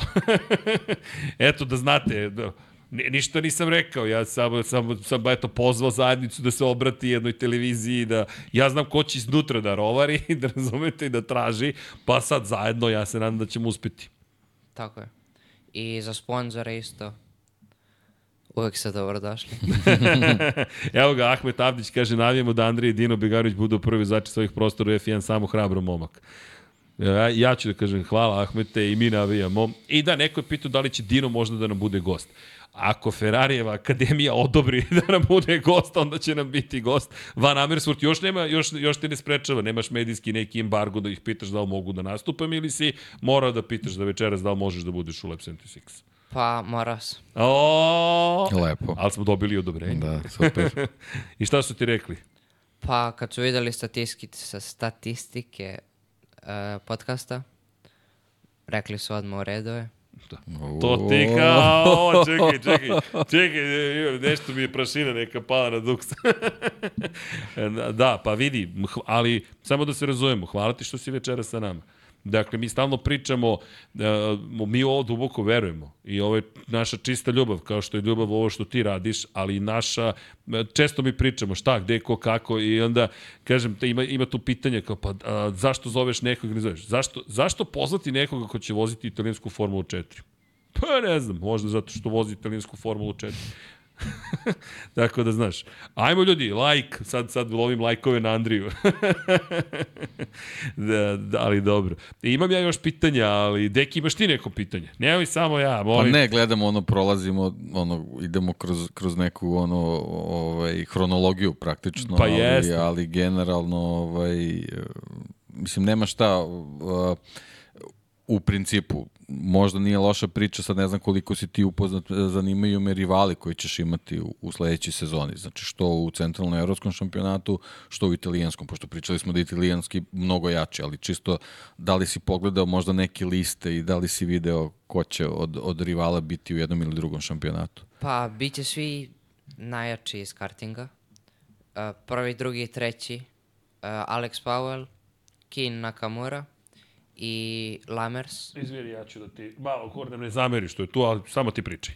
E, oni će da voze sa mnom italijanski i evropski, a u centralno-evropskom će biti malo slabija konkurencija. Zato i neću da vozim u top timu. A, zato što mislim da stvarno mogu da ostvarim sjajan rezultat. A jel može taj centralni evropski ti bude u stvari trening, za, za, iako nisu iste staze? Jel, jel možda ga gledaš i kao trening? Iz trke, i trke, iz trke u trku napredujem i zato što su sve meni nove staze, nepoznate, kad dođem na neku drugu novu stazu koja se vozi za italijanski, znaću kako da pristupim situaciji. A jel imaš već tim za centralni evropski šampionat ili, Pa, ili tražite još? pa imamo više opcija, tako da treba da izaberemo i sa cenom i kako prođe pregovori sa sponzorima. Pa po tome ćemo da odlučimo najviše. Dobro, vraćamo se na ono što je bitno i ja ću da budem uporan. Dakle, menjam glagol ili uh, tri, pridev zapravo dosadan uporan, bit ću uporan i uporan i uporan. Ljudi, stvari su vrlo jasne. Ajmo da ne pričamo, e, se sećaš kad je da je Miloš dobio veću podršku. Ajmo Andrija da dobije punu podršku, pa da vidimo šta Andrija može da urede. Ne da bude sa jednim setom guma vozim ceo trkački vikend. Što se dešavalo? Što se dešavalo? da? Jeste, da ne dođemo u tu situaciju. Ima tome 15 godina. Jeste, se sećaš, Deki? Dakle, kad jedan momak sa ovih prostora, koga ste mogli da vidite, dobije jedan set guma za ceo trkački vikend. I uopšte ne bude loš. U celoj priči. Čisto da znate. E, Il Grande, Il Grande Pavlović. Grande Pavlović, Il Grande, da. Pavlo, Il Grande Pavlović. A koliko ti guma si do- dobiješ? Pošto je to sad ozbiljna ekipa, čisto pitam, ili ima koje je po pravilniku, šta je Pa definisano? po pravilniku za trkački vikend dva seta guma mogu da se istroše, Dobro. ali na treninzima nije ograničeno. Dobro, dakle ti za trke praktično čuvaš dva seta guma za tri trke. Tako je, trkački vikend traje tri dana, Dobro. petak testovi, subota kvalifikacija i jedna trka i u nedelju su dve trke. Super. A isto što je zanimljiva činjenica, zavisi od potrošnje guma, degradacije na, na različitim stazama. Uh, ako se leva strana više troši, Dobro. možete da stavite desne gume na levu Na stranu, levu stranu, pošto da. su manje potrošene. Ali isti set mora da bude. Tako je. Uh, ne mora isti set, od ta dva možemo da Aha, kombinujemo. može se pravi kombinacija. Samo Dobro, zadnje gume ne mogu da idu na prednje. Pošto Da, da. druge su Da. dimenzije. Jasno, jasno, da. da. Dobro, to je... Ne, super, ne, ali to je generalno, o- ovaj, što se tiče njihovog uzrasta, odlična stvar, da, da to je sve stvar e, ovaj, sticanje iskustva i tehnike vožnje, poboljšanje i tako dalje, tako dalje, tako da to je, to je meni potpuno opravdano što se tiče te kategorije. I kada je reč generalno o gumama, ajde da te pitam sada, vozački stil, takođe pretpostavljam da moraš sada i da prilagodiš tome da čuvaš gume. Ste radili na tome već sada ili je sada bio cilj da se stekne brzina? Jesmo. E, Od početka na tome radimo. Dobro. Sada i dalje je bio cilj, i dalje je brzina bila cilj, ali uvek je bilo i toga. Zato što U, sa novim setom guma Dobro. performansa je najveća u drugom krugu. Prvi je zagrevanje, drugi je odmah pun gas. Dobro. I onda treba i prilagoditi to da znati kako da iskoristite gumu. Dobro. Da osetite razliku između trećeg i drugog kruga. I Kako treba... Izvini, kako se to u, kako tebi kao vozaču e, potrošnja guma deluje? Mi često pričamo o tome, ali šta se desi, kako ti vidiš da je guma potrošena? Pa, zavisi od setapa. Dobro? Kada više imam gripa napred, Dobro? e, zadnji kraj će biti onako Lagan? lagan i to će se povećavati, bit će laganiji i laganiji. Aha, dobro. I onda sa setupom između trka možemo i mi da dodajemo gripa pozadi, tako da se to kompen, kompenzuje i osjeti se uvek razlika, Dobro. ali može se prilagoditi tim. D- Ok, samo sad ja sad razmišljam šta, kako, šta sve moraš da naučiš da bi bio spreman za početak cele Da, sezone. deluje mi da si ti odmah bio u mašini, nema tu, nisi imao vremena baš da se osvrćeš, da se upoznaješ. Pa da, i zato što imam tako malo iskustva, morao sam puno da radim. Možda i bolje treniram. tako. Pa da. Možda i da ima, Meni upravo deluje si, da je meni bolje da je tako. bolje. Sa svim ovim informacijama što dobili, mislim da je možda i bolje tako. Skoči, Da. znaš da plivaš. Ok, znam da plivam. Tako je sa svim, smo išli brzo, krenuo Da, sam bukvalno pre... si iz kruga u krug. Još nema ni dve godine kako sam krenuo, a u kartingu sam promenio tri kategorije. I onda sve smo, Već si navikao na to, da menjaš kategorije. Dobro, Svaka čast. Ne, zaista svaka čast. Vidi, opet mi se nekako... Deki je ozbiljan uticaj na meni. Onda se ja suzdržavam da se ne zalećem. Idemo odmah široko, veliko, snažno i tako dalje i tako dalje. Kakav je stav ekipe po pitanju vozača? Koliko će biti, e, koliko ćeš imati klubskih kolega? E, tri klubske kolege. Dakle, vaš četvorica, Četvorica, vozite. da. Dobro. I jel tu postoji nešto tipa, ovo je vozač, koliko oni imaju iskustva? Jesu već vozili italijanski A, ili... ja, ja ću biti jedini ruki u timu. Aha, okej. Znači da mi je prva sezona. Koliko ima vozača u šampionatu italijanskom? A, pa, prošle godine je bilo 56 vozača, ali ne vozi svako svaku trku zbog sponzora i Da. svih financijskih A koliko izađu na stazu? Koliko bude u trci? Pa u trci maksimalno koliko staza prima je 36. I Ozbiljan onda, na primjer, da. 34 vozača je bilo minim, je bio minimum na nekoj trci. A u centralnom evropskom pretpostavljam da je manje. Manje, da. Lakše je to, da.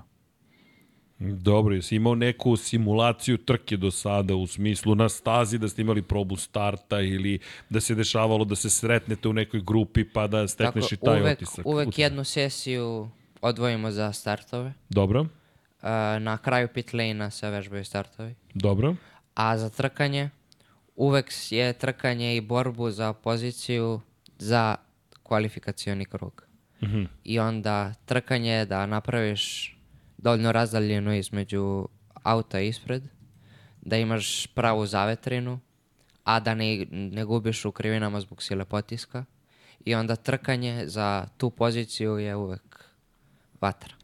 Dobro, dakle. Boga mi svašta si ti nama ispričao. Ja, ja ovaj, imao sam utisak, znaš, da, da, da si stvarno onako, što se toga tiče, da je potrebno da još mnogo iskustva stičeš, što si si izgleda toliko toga prošao već sa ekipom, da bukvalno ti samo trka nedostaje. Tako je. Sjajno. Ali ne, zaista si ja, ne, ja znam kad smo pričali Deki, ja i Deki me pitam, dobro, kakav je momak? Ja kažem, neočekivano zreo, zapravo ima jasan stav, jer vidi kad smo se upoznali ti si imao stav i, i ono što mi je, dobro, ima, ima tu još pro posla sa, sa naše strane, znam koliko pratiš druge sportove, kad si krenuo da mi izbaciš, e, ali Bertoleto je vozio ovde, a ovo je startov ovde, a znam da je Baton bio ovde, a Hamilton je vozio u ovom šampionatu i, i, i prosto me zanima, kada stižeš sve to, je to tolika strast da ti sve pratiš zaista? Pa jeste. Ja po ceo dan samo o tome razmišljam. Stvarno? Tako je. Uz školu. Moraš, moraš to uvek da Okej. ubaciš. Nemoj zaboravljaš školu. E, samo reci i školu. Totalno. Da, a ocene će pokazati, tako da je sve to u redu. Ali, ali šalom stranu, deluje da, da si svestan, škola mora da se ispoštuje, mami si dao reč, ej, to mora to, To je zakon. Da se, I ne lažem te, mama, ako si rekao mami, bit će pet, mora bude pet. I onda je sve kako treba. Ali, vraćam se sada na ovaj ozbiljni deo. Jel gledaš stare trke, snimke, šta radiš? Jer mi djeluje kao da živiš trkanje non stop. To je bio moj utisak kad sam te upoznao. Pa obično novije, Dobro? ali kad odgledam sve novije, onda... Onda stare. stare. Dobro, dobro.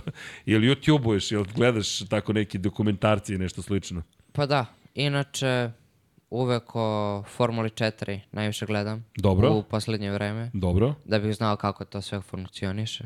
Koliko ima incidenata, safety carova.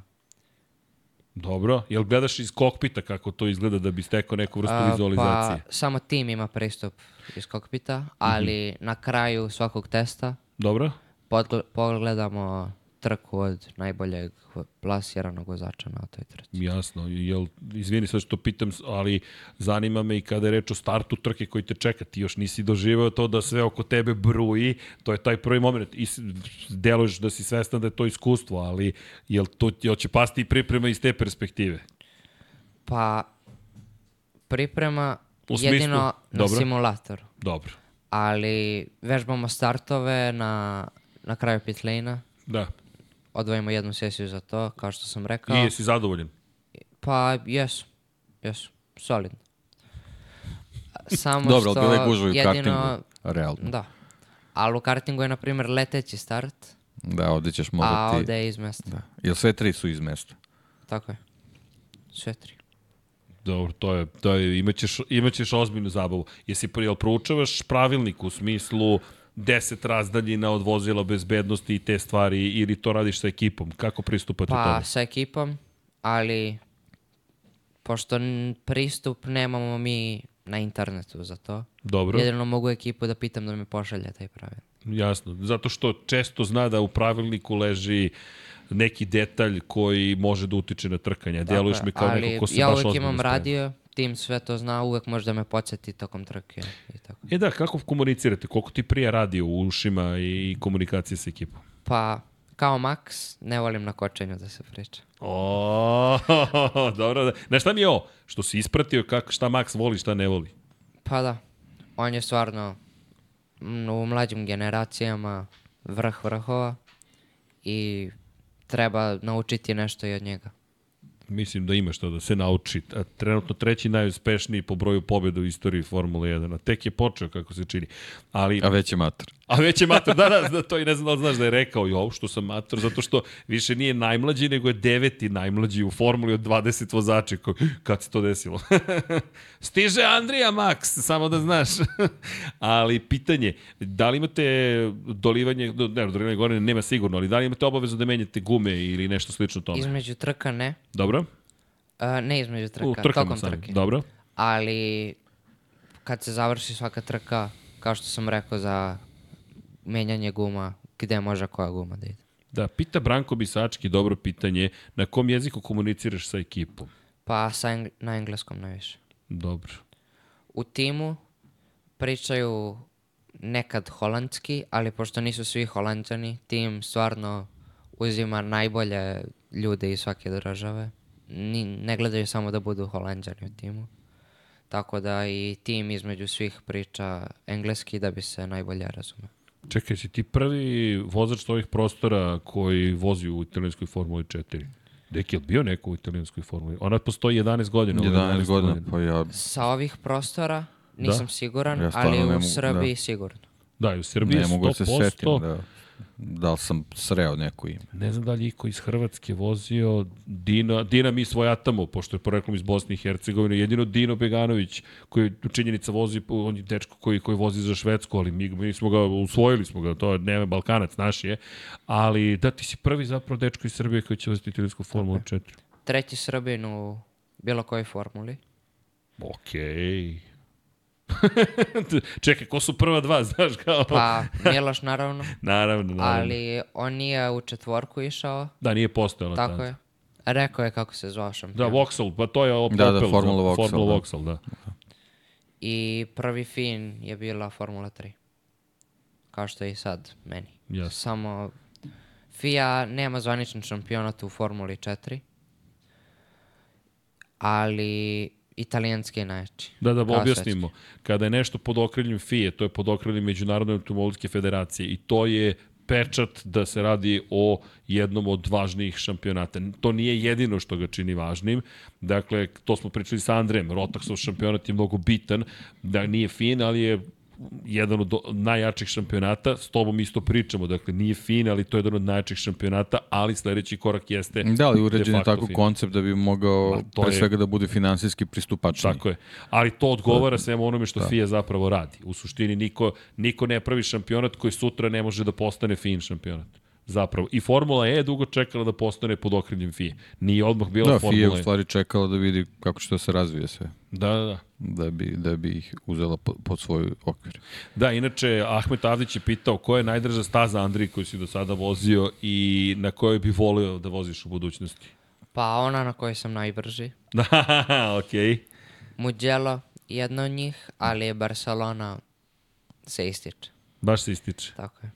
Da, da, dobro, Barcelona ima nešto baš trkačko u sebi. Znaš šta je meni jedina razlika kad je reč o Mugello? Mugello je spakovan između brda i prelepa mi atmosfera i baš je test i hrabrosti i umeća i zaljubljen sam u Mugello, ali nekako ga vezujem za motocikle, iskreno. Jeste. A Barcelona mi je baš Grand Prix staza. To je tako veliko, široko, ideš uzbrdo kroz onu treću krivinu, pa kroz dugu četvrtu, pa se spustiš dole u onu petu, pa to ti verovatno ti je, kad kočiš neki ti blokira točak, pretpostavljam. Možda ne tebi, ali to je petica je uvijek neminovna, pa onda skretanje u levo, a pritom ti je poslednja krivina u levo bila dole druga, u, u, u, jel te, u, u, u, u, zapravo u, u samom usponu na kompresiji, u podnožju brda i onda tamo levo. E sad ove šesta, sedma, to nekako kao da su obavezan da ih prođeš. A ona deveta, kako, jel to, jel tu, jel, jel osjećaš uzbuđenje u devetoj, onoj brzoj desnoj? U devetoj, da. U Formuli 4 je baš na limitu. To...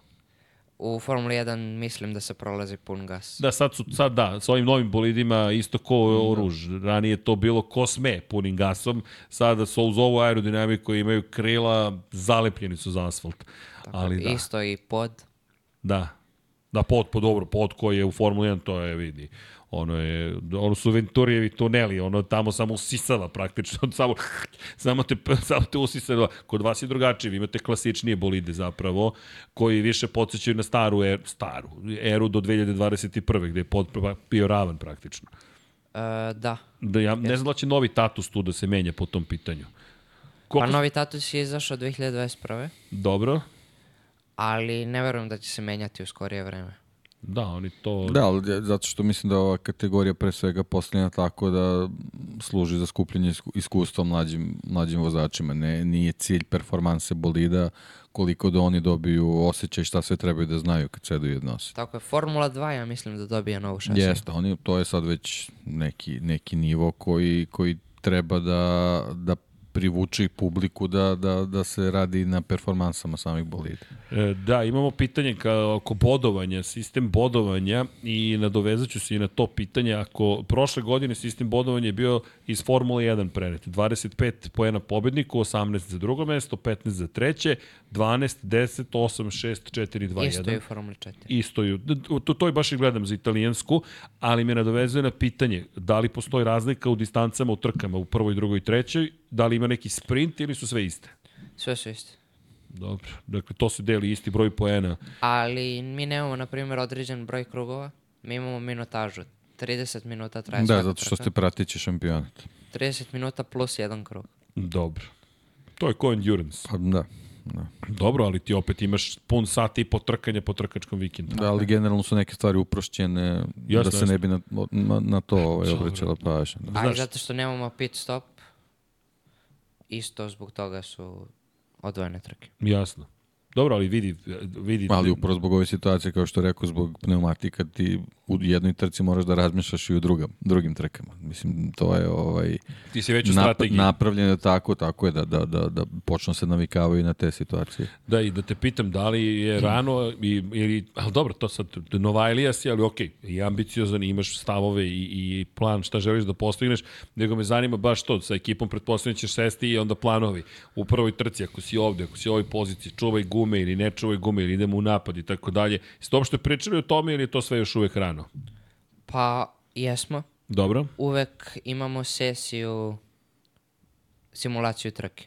Kao što imamo simulaciju kvalifikacija, imamo i simulaciju trke. Dobro, I tu najviše gledamo da sačuvamo gume. dobro. Barcelona je najgora po degradaciji guma. Da prednji levi tamo Tako je. strada kao kad ga zalepiš u brdo uzbrdo. Dobro. I ništa. Mora baš da vodimo računa o tome. A jel čuvaš gume, izvini, za kraj tipa poslednjih par krugova da budu najbrži ili je plan trošim ih uh, ravnomerno celu trku, ako smeš da nam otkriš takve stvari? Pa, naravno da smijem. Dobro? Uh, još od tima nisam dobio tu informaciju, Dobro. ali ja mislim da je to u odnosu sa trkanjem. Ako imaš nekog iza sebe, guraš to, dovoljno da ga zadržiš iza sebe. Ali ako imaš nekog ispred tebe, guraš da bi ga stigao, da bi ga obišao. Da, inače da te pitam, kada si u zavetreni, zagrevanje guma se osjeća u Formuli 4, jel utiče taj prljavi vazduh na, na, na Pa da, pneumatike? isto je zašto nemamo DRS, Dobro? teže je da se obiđe. Dobro. I onda da se obiđe moraš biti majstor i to je isto zašto je Formula 4 jedan od najtežih šampionata. Italijanskog 4. To znači i kvalifikacije su ekstremno važne, a onda i ako i starta, a ako se zaglaviš, onda je na tebi da se snađeš kako god znaš i umeš. A u prljavom vazduhu pretpostavljam samo kao i uvek raste temperatura, samim tim pritisak, samim tim više klizaju, više blokiraju, manje prijanjaju i tako dalje. Tako je. Cijela igranka. Dobro, ali mi ti dolaš da si vrlo svestan svega toga. Pa jesu. Kako si to naučio? Jesi učio čitajući ili se kroz sa ekipom? Kako se, kako, Pa kako, kroz kako, vožnju. Ne Kroz više. vožnju, aha. Mislim, mi analiziramo svaku sesiju Dobro. da kada uradimo nešto, znamo zašto smo to uradili, ne kao odjednom desilo se. I onda znamo kada sam uradio dobar, zašto sam uradio dobar rezultat i to je to.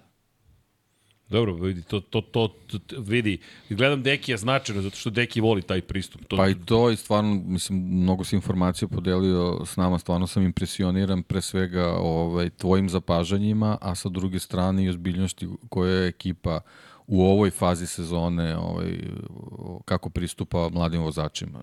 Neverovatno šta si ti sve prošao u jako kratkom periodu s njima. Stvarno, onako, baš impozantno delo. I mislim da, da ovaj, e, i ono što je Miloš pričao da je jako važno da, da, da u ovoj nekoj fazi stvarno možeš da radiš sa, sa ljudima koji su ozbiljni u tom sportu i koji su tako, tako značajna ekipa. Jeste stvarno Van Amersfoort legendarni tim i nema greške sa njim. Jesu oni bili prvi izbor ili, je, ili je, ste o još nekom razmišljali? Pa, razmišljali smo o nekom lošijem timu. Znalo se da je loši, ali jednostavno zbog financija, Jasno. ali došli smo do zaključka koliko god para novca da je jeftiniji, taj novac će možda biti skuplji. bačen. Da, Tako. da. Da, i znaš šta mi se dopada? Tvoj humanizam. I pozdrav mami i tati, što ne spominješ koja je ekipa u pitanju, to je, pro, to je profesionalno i svaka ti čast na tome. I ne šalim se, uopšte ti ne podilazim, ali tako, ta, samo tako nastavi. Kad nemaš nešto lepo da kažeš o nekome, ne moraš ni da ga imenuješ.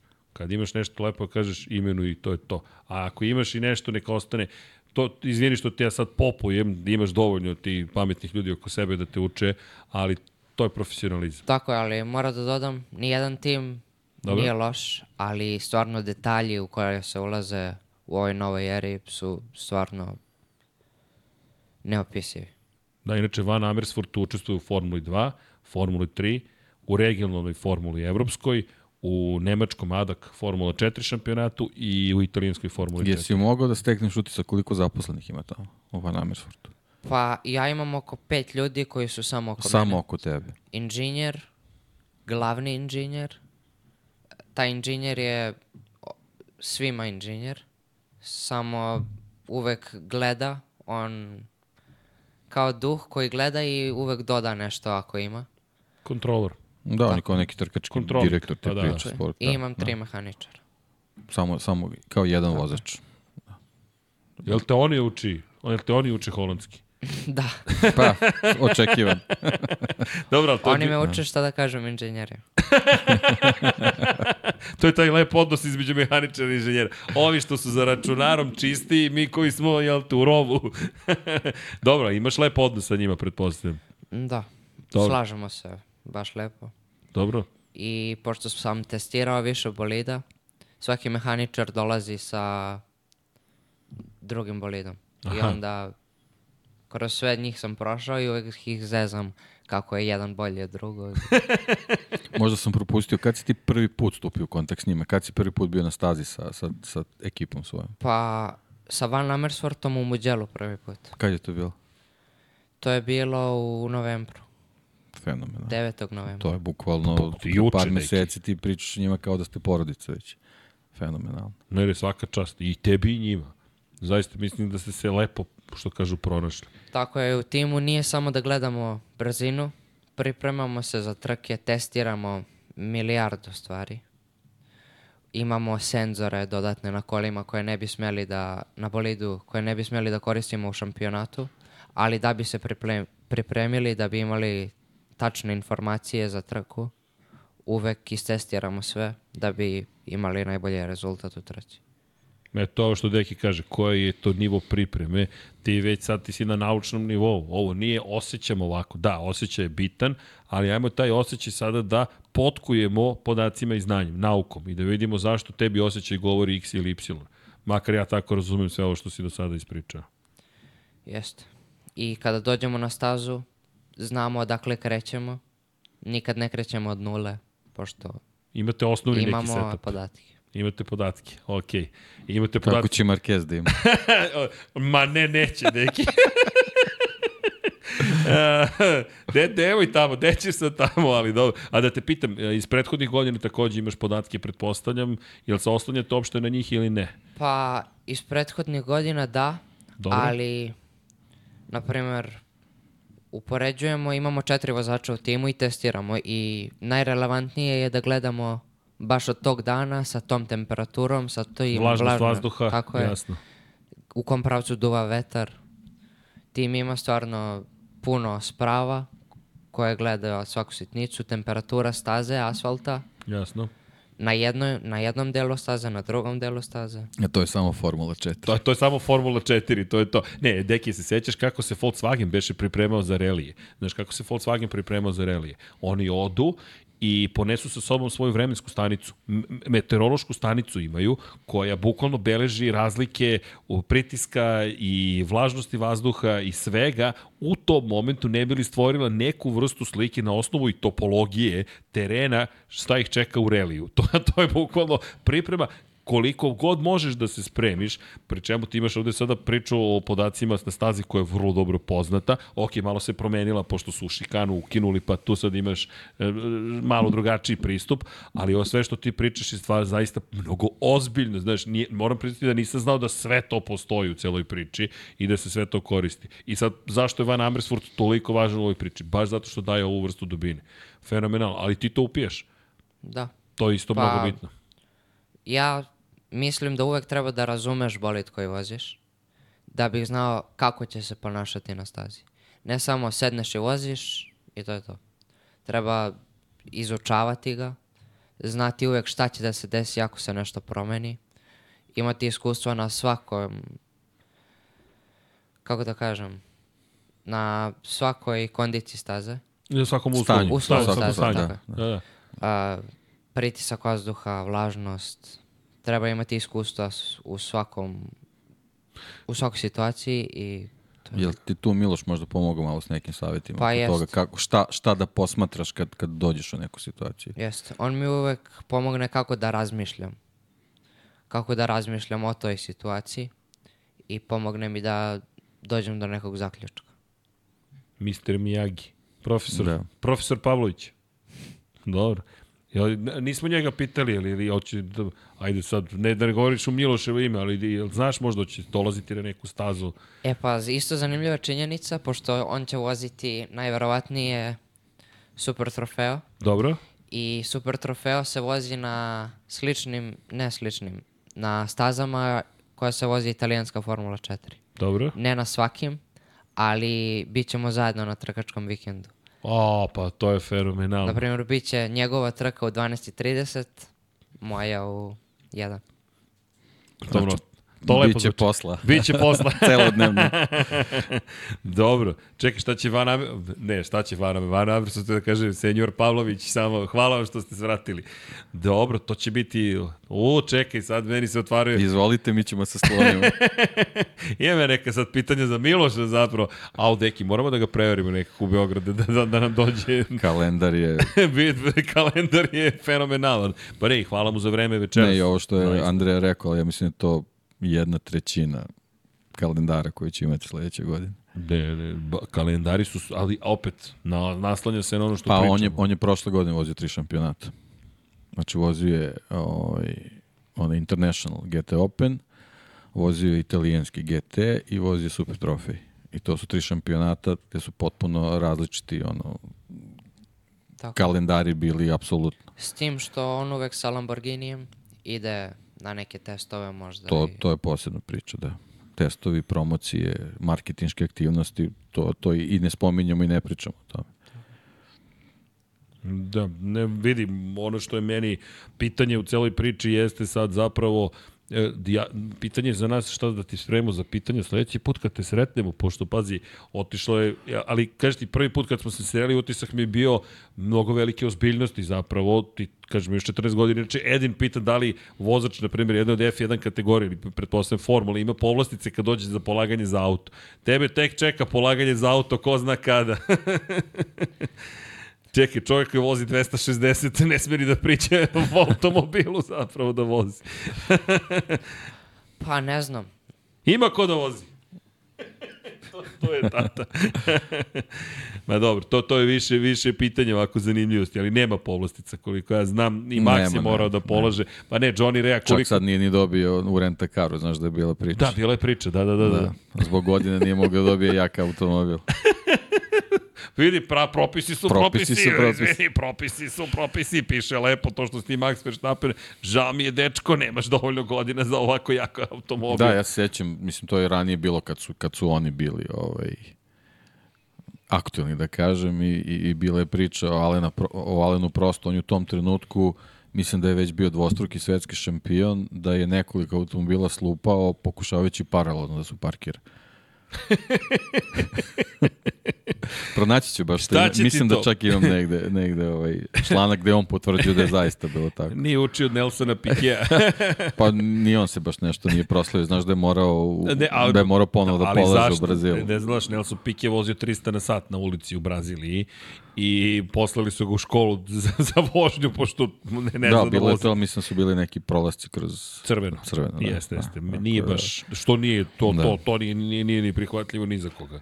Ne, pogotovo ne za trostrukog šampiona sveta. Da Brazilci imaju preko 100 pobjeda, čoveče. Tako mali broj zapravo suštini preko 100 10% pobjeda u istoriji pripada Brazilcima od kada nisu imali. Da, recimo, eto, Van Amersfoort je osnovan kad su imali tek dve titule. Kad je Emerson tek stigao.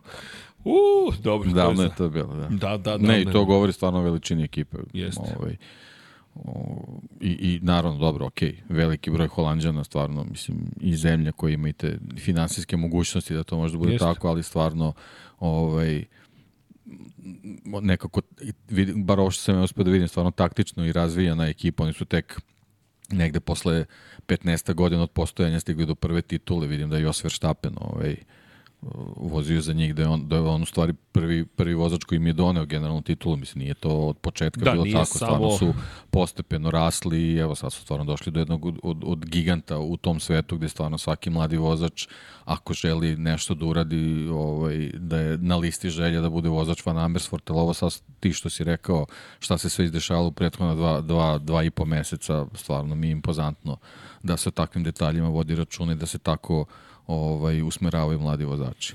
Pa da, inače Van Amersfoort po prošle godine Richard Verschur je vozio u Formuli 2 zajedno sa Juan Manuelom Koreom. Korea koji ima jednu nevjerojatnu priču iza sebe da uopšte uspeo da, Da se vrati. da se vrati i, i vozi u šamp, bilo kom šampionatu, Da. a Verschur je zabeležio jednu pobedu prošle godine, pri čemu Kajo Kole je takođe zabeležio pobedu u Formuli 3, to je tim koji zna šta radi, ono što I zna još... kako se pobeđuje, Da. što je važnije. Jeste i ono što, što, što je, hajde da kažemo, važno u celoj priči. Oni su tek stigli u Formulu 3 Da, Formulu ja sam 2. gledao, uh, mislim da sam na Red Bull ringu bio kad je među, uh, internacionalna Formula 3 vožena, mislim da se tako tad zvala. Verstappen je ovaj, e, pobedio na sve tri trke i on je te godine bio uh, vozač najviše pobjeda, ali titul uzeo, titulu uzeo Esteban Ocon. Ali je, ali je Verstappen vozio tad za njih i sećam se stvarno, ozbiljna dominacija bila na Red Bull ringu. Preozbiljni su i, i mnogo nam je drago i kad smo čuli zapravo da, da, da ćeš biti sa Van Amersfoortom baš je nekako podiglo i, i Pa ne, wow utisak. Da, wow, ti, baš lepo si rekao wow utisak. Wow utisak, da. Jeste, ali sad kad te čujemo, moram ti priznati veći mi je sad wow utisak sve što si ti ispričao. Zaista, zato što ovo je nivo detalja i dubine u koje da. si ušao, koji je veoma ozbiljan.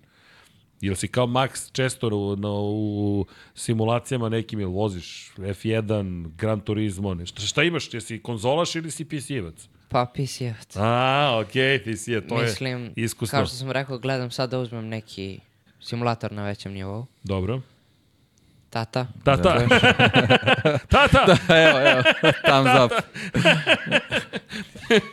Super. Tako da, ja ne bi izlazio iz... Ali, Ništa. Osim kad mora da se uči. na Twitch da te stavimo lepo i, i vozi. Imam neke ideje, deki. Znam. Rađ, rađaju mi se da ideje. imaš, da. Tata! ali sve to, sve to deo zabave, sve to deo sporta. Ne, ne, ali ovo je sve sjajno, zaista to, to, to tako ozbiljnost, da, da ne znam ni što bih ti rekao, moram ti priznati, znaš, počeo sam da kopam po, po svojoj glavi pitanja koje bih volao da čujem, koje nisam imao priliku da, da postavim nekada, ali zaista hvala ti mnogo na informacijama. Vidi, sad bih ti ja i dalje ispitivao, ali e, jel imaš, jel imaš trenera za, za spavanje, kad se ide na spavanje, vodiš računa o tome ili smo još malo pa i o ishrani i o svemu, o svemu mora da se vodi računa. Kad ideš na spavanje, jel imaš neki moment kad se gasi svetlo? Pa, pre škole, Dobro. ranije uvek. Pazi šta ćeš reći. Ovo čujemo samo mi. Mama, idemo na spavanju 10, nema problema, jel tako? Nema, nema posle 10 spavanja, nema. Šalim se. Da, Devet u krevet. to ti kažem, Andrija, bravo. Dobro, ne, nećemo da te, nećemo da te, već je pola 11, da, da, mo, možda je vreme da se polako baš poznanemo, ali, ali, ali, ali, ili ima publika neka pitanja, ima bih ja sad, kažem ti svašta da to pitam. Tata je, je li tata spreman za sezonu? To je isto pitanje. Odmah, dakle, da se ide, čeka vas ozbiljna kilometraža, ljudi, dakle, ovo će da bude baš krstarenje po Evropi. Tako je. Kako, jeste već stekli polako taj utisak vozići kroz ova dva i po meseca kako će to da izgleda ili još nisi baš svestan šta vas sve čeka? Pa mislim, tata i ja uživamo stvarno kad smo zajedno uvek. Super. I nama prija tako da idemo. I kad je duži put, pošto idemo kolima svuda, Lepo. Ispričamo se. Ne, slušate, mu- čiju muziku slušate? Moju. Šta se sluša ako nije tajne? Pa, svašta. Svašta, dobro. Dobro, svašta. Tata, jel si zadovoljan muzikom?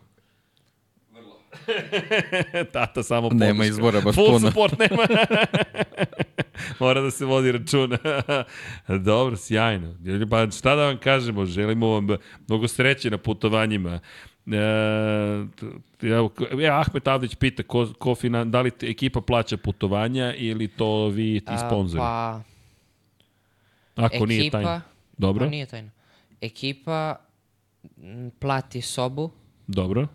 ali put, na primjer, avionsku kartu ili gorivo do, Do tamo to do vi pokrivate. to mi.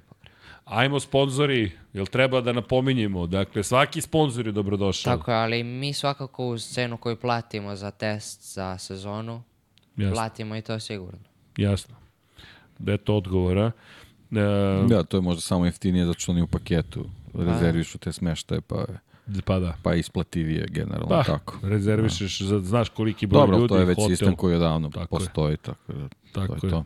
Evo, kaže Todor Kraljevački, road to F1. Nadamo se, to bi bilo sjajno. Neću ni da te, ni da te pitam u tom, u tom smeru. E, da li ima pregleda bolida, pita Dušan, posle svake trke kao F1 u smislu da li se pregleda pobednikov bolid posle trke ili ne? Pa ja mislim da ne znam da li proze kroz... kroz U Formuli 4 da, da, da li se pobednik, prva tri se uvek gledaju. Dobro. U, svaku, u svaki detalj se gleda. Dobro, Mislim da čak i motor rastave ceo. Okej, Pošto motori su blombirani. dobro. A oko šasije, mislim da ima i određen pritisak u gumama koji može biti najviši, najniži. Jasno. I sve se gleda. Do, eto, hvala na dobrom pitanju, A Dušan. prva tri se gledaju Dobro? uh, onako baš detaljno. Prvih deset malo manje. I uvek sudije izaberu nekog koji im je sumnjiv. Nasumično. Tako Da, je. da, da. Koji Ko je- dobro kao i svako Pa da, šampionatu. kao imao više. čudne performanse ili čudesne performanse. Evo imaš pozdrav iz karting centra Jagodina. E da, to nisam preneo, a imaš pozdrav, ve- već ste par puta pozdravili. Pozdrav za Jagodinu, kartingaši, često su tu. Da, Hvala. inače, e, da ima pitanja i za da pitanje da li će Andrej Petrović s tobom na neku trku. Andrej ide sada svojim putem, pričali smo sa Andrejem. Vas dvojice ste sarađivali, ili tako? Tako je. Stvarno mi je mnogo pomogao. Mnogo dobar dečko. Da, to, to je baš lepa priča. Tako je. Svaki dan treniramo zajedno isto. Idemo u teretanu, Sjajno. družimo se Sjajno. na simulatore. Sjajno. I stvarno, mm, ima mnogo iskustva. Mnogo toga mi je rekao. Pomogao mi. I nadam se da ćemo zajedno da idemo ka formuli. U to bi bilo. Young Guns. Da, da, to, to, to, Young Guns, bukvalno baš bi bilo dobro. Da, pozdrav. Za, mada je on rekao da sad čeka da vidi šta će za sledeću sezonu. Juče nam se sa, samo javio tokom emisije, čekamo informacije od njega, pa eto, držimo palčeve i navijamo da, da će i on uspeti da, da, da napravi taj korak sledeći, pa pratimo. Ti si napravio baš sada najozbiljniji korak, ali eto, pratimo vas, sve vas pratimo, dakle, pratimo vas. Jel te? Ali ne, ovo što, što, smo, što, što smo sada čuli je zaista fascinantno. Inače, Ahmed pita za koga navija Andrija, za Luisa Hamiltona navija A, Ahmete, to, si spomenuo na početku emisije okay. zapravo. Luis, Luis ili Mercedes? Ili samo Luis kao vozač baš? Pa, Mercedes. A, Mercedes, okej. Okay. Mislim, Dobro. zbog Luisa Mercedes. Aha, okej, okay, okej. Okay. Dobro, to ćemo da vidimo, da vidimo. Znaš, ko, ima tu puno nekih akademija, ali da ne trčim pred rudo, ima, imamo sad posla nekog drugog. Dobro, Tako šta? isto da spomenem, Da? svi najbolji vozači su već u nekim akademijama.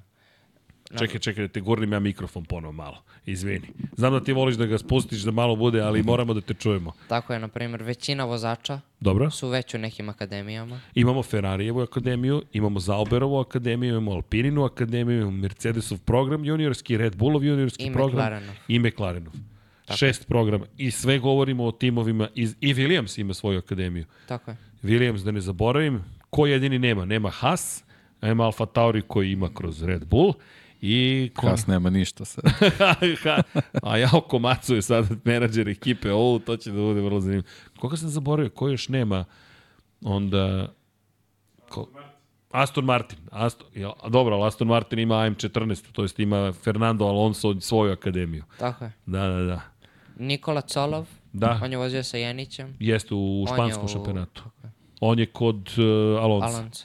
Ali sad je i, kako se zove, mali brazilac, što je... Mini možda. Ne, ne, ma Gabriele Mini, on je u Alpininoj akademiji, nego Bortoleto. Jest, Bort, Gabriele. On Bortoleto. je pobedio trojku. Jeste, on je u trojici svoju titulu, on je Alonso vozač. Tako da, da. E, Sara Ristanović, pozdrav za Saru, s obzirom da si tako mlad, da li si dovoljno pazio o bezbednosti i tebi i tvojih vršnjaka, imate li neke specifične procedure ili nešto slično kako to funkcioniše? Pozdrav za Saru. Na stazi? Da? ili- Pa generalno, pretpostavljam na stazi pre svega. Pa na stazi, na treninzima se uvek svi pazimo. Dobro? Svaka greška je skupocena. Da, da, da. I na treninzima nikad se ne trkamo, jedino za poziciju na stazi da bi se napravio neki krug. Ali uvek se može sačekati, nije trka, niko se i dalje ne takmiči. Svi se svi testiraju, ali na primjer u trkama je malo drugačija priča. Jasno. Neki vozači umu da, umeju da budu malo bezobrazni, neki malo sa, sažale se. Jasno. Uviđajniji, da. Da, da. Da. Ali imate procedure u smislu protokola tipa da li vam kažu, ej vidi, ovo su stvari koje morate da poštujete, ovako ćete se ponašati na izlasku iz pit lane-a, ulazak u pit lane, ovo su pravila igre kada su žute zastave, dvostruke žute zastave, crvene i tako dalje. Naravno, uvek ima toga. Dobro. u svakoj kategoriji u motosportu. Da, briefing pre trke postoji. Dobro. Uvek i penalti se dobijaju za greške Jasno. ako ne poštuješ pravila i sve. Dobro, mislim da Sara pre svega brine s obzirom na činjenicu da ste zaista toliko mladi. Neki bi rekli klinci, ali ste suviše ozbiljni da bismo se mi zvali klincima, ali što i neki kaže, briefing postoji. Inače, Deo kaže, imam 16 godine, počeo sam da vozim brdske utrke za PH, tako da veliko poštovanje za dečka. Deo, poštovanje i za vas, veliki pozdrav, Pozdrav, za sve da. trkače, svaka čast. Brdske trke su ozbiljne takođe trke i želimo vam uspeha. Ajmo Deo da čujemo isto neke pobede, titule, evropski šampionat i tako dalje i tako dalje. E, Edin pita da li ima Oreol F4 italijanski. Da, da, Tatus ima Oreol, tako da... Pa da, ja mislim da sad nema... jed- 2021. da, da, da, da, da. O, o, Mislim da pa- sad nema jednosed bez Oreola, ako se... Da, više ih, ja mislim, ne proizvode nigde, ni jednom takmičenju ih ne dozvoljavaju. Tako je. Uh, imaju takmičenja na kojim Čekaj, čekaj, malo da, o, izvini. neka takmičenja nemaju Real, Dobro. ali to nisu fina To, takmičenja. to, da. da mislim Da. da. sad mora sve da... Za FIU mislim da, pogotovo I to su 2019. stari bolidi. Tatusi verovatno korišćeni. Pa da. Da, inače od 2019. nažalost, od kada smo imali stravičnu nesreću u kojoj je Korea upravo i učestvovao, gde smo Antoana i Bera izgubili u Belgiji, od tada se isto priča o poje, za, zašto je Tatus i tekako radio na ojačanju bolide. Taj, taj incident je uticao i na bočnu zaštitu i na pojačanje oreola i tako dalje i tako dalje. Tako je stvar koja se desila Dilanu Jeste, u Spa isto. jeste. Dilano, koga mladi holanđanin koji je izgubio život prošle godine, to je baš velika nesreća. Tako, on je Freku vozio. Da, i to su, to su strašne stvari, ali Belgija, e, ja stalno podsjećam, pa mi, e, Filip je pričao zapravo da je i njemu Miliš da, Miloš davao instrukcije kada bude vozi, Belgiju još nisi vozio, jel tako? Spa još nisi. Ne, ali neću ni da vozim zato što nema trke. Jasno. E, to, to, tako to ona čeka, ali Miloš je baš objašnjavao Filipu i rekao mu je to što si video u simulatoru zaboravi. Dakle, kompresija koju ćeš osetiti u podnožju oruža i kada se popneš gore na, kroz radilon, kada izađeš gore na Camel pravac, kaže to je potpuno druga priča. I Filip koji kaže, ma da, dobro, ti prošao sam simulator.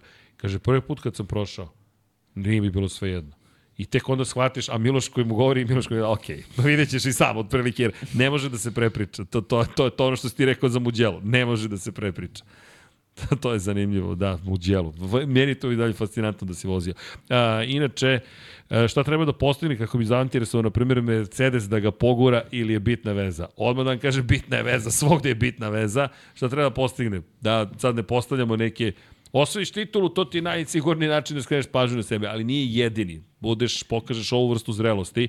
U, znaš šta moramo da uradimo, deki? Au, ja mislim da će ovde da padne transkripcija sa prevodima. Šta ti misliš? Artificial intelligence? Pa dobro, da. Papaga intelligence, Vreme mislim da bi bio vreme da se, da se uradi. Um, Inače, Deo kaže, hvala tata mi je Floren Salec, š- e, šampion PH zadnje dve godine, deda mi je svoju zlatnu kacigu što je najče u Hrvatskoj vozim za Pulića koji je bio tri puta rednom šampion Evrope. Deo, hvala vam što pratite Lab 76, mi smo počastovani, pozdrav za celu porodicu i hvala vam i stvarno vam želimo mnogo uspeha.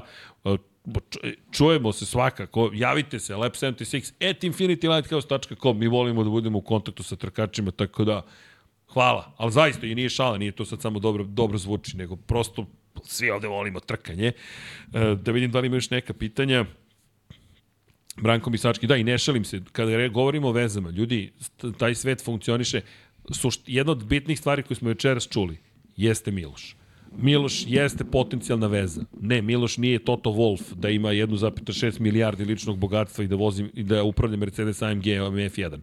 Ali ako hoćemo sa ovih prostora da ljudi uspevaju, mora da postoji ta vrsta zajednice. Lobija, menadžera, trenera, podrške, sponzora i tako dalje i tako dalje. Trenutno, ajmo da se ne lažemo, ovo je Andrija sa svojom porodicom koji se probija uz podršku pojedinaca koji žele da mu pomognu, poput Miloša Pavlovića, poput vas koji ste zajedno sa nama ljubitelji automotosporta, ali i poenta onoga što i svi zajedno radimo i, i, i Lepa 76 jeste upravo to da svi koji volimo ovo se okupimo i podržavamo na, na, na sve moguće načine. Niko nam neće pomoći ako sami sebi ne pomognemo. I u tome jeste velika stvar da sutra Miloš, na primjer, ako je uz vas nekog sigurnog, ono što je Miloš rekao, poznaje negde gde će moći da kaže, čekaj, jeste videli Andriju?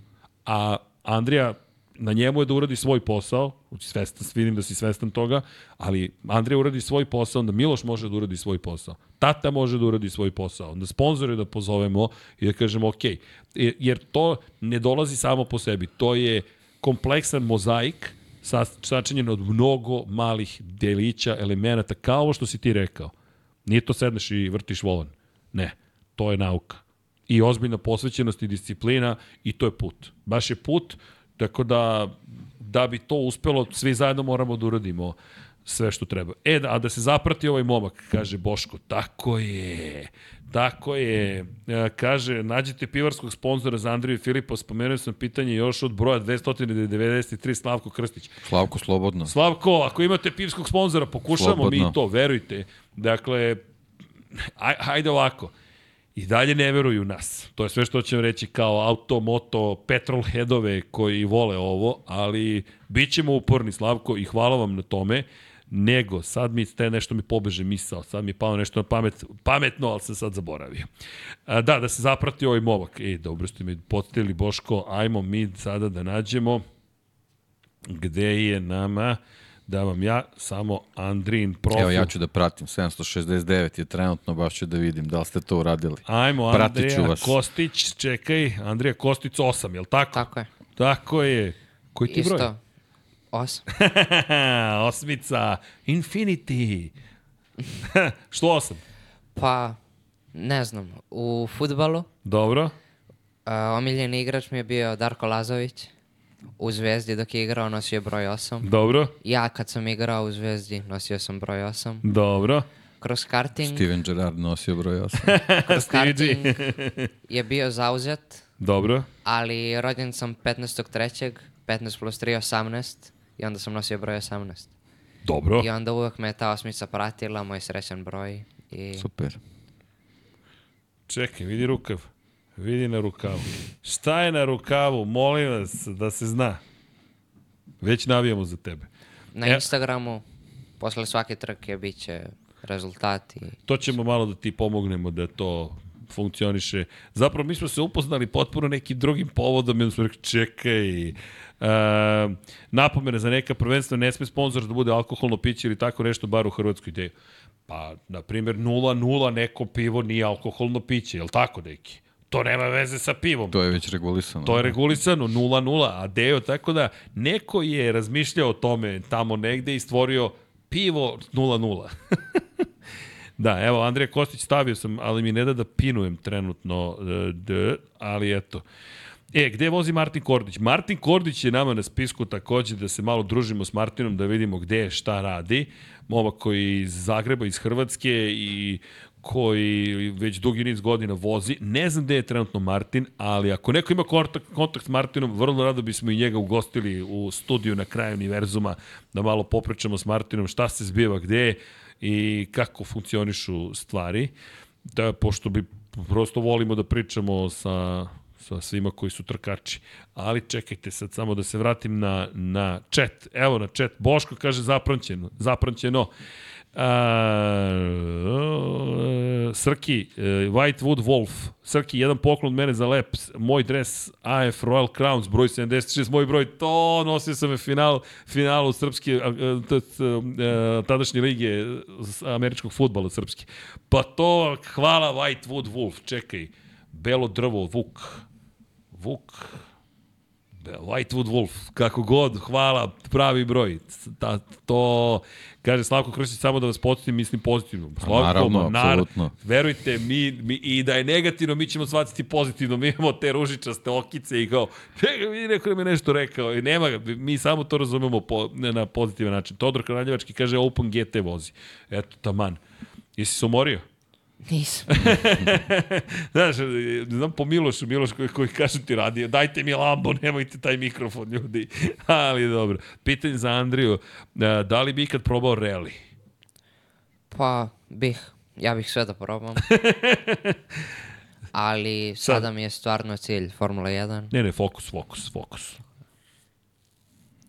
Inače, Boško kaže, pogrešili smo naziv emisije. Niste, nego vi niste refrešovali. Boško, kasnite, Boško večeras, kasnite. Evo imaš dva nova pratilaca.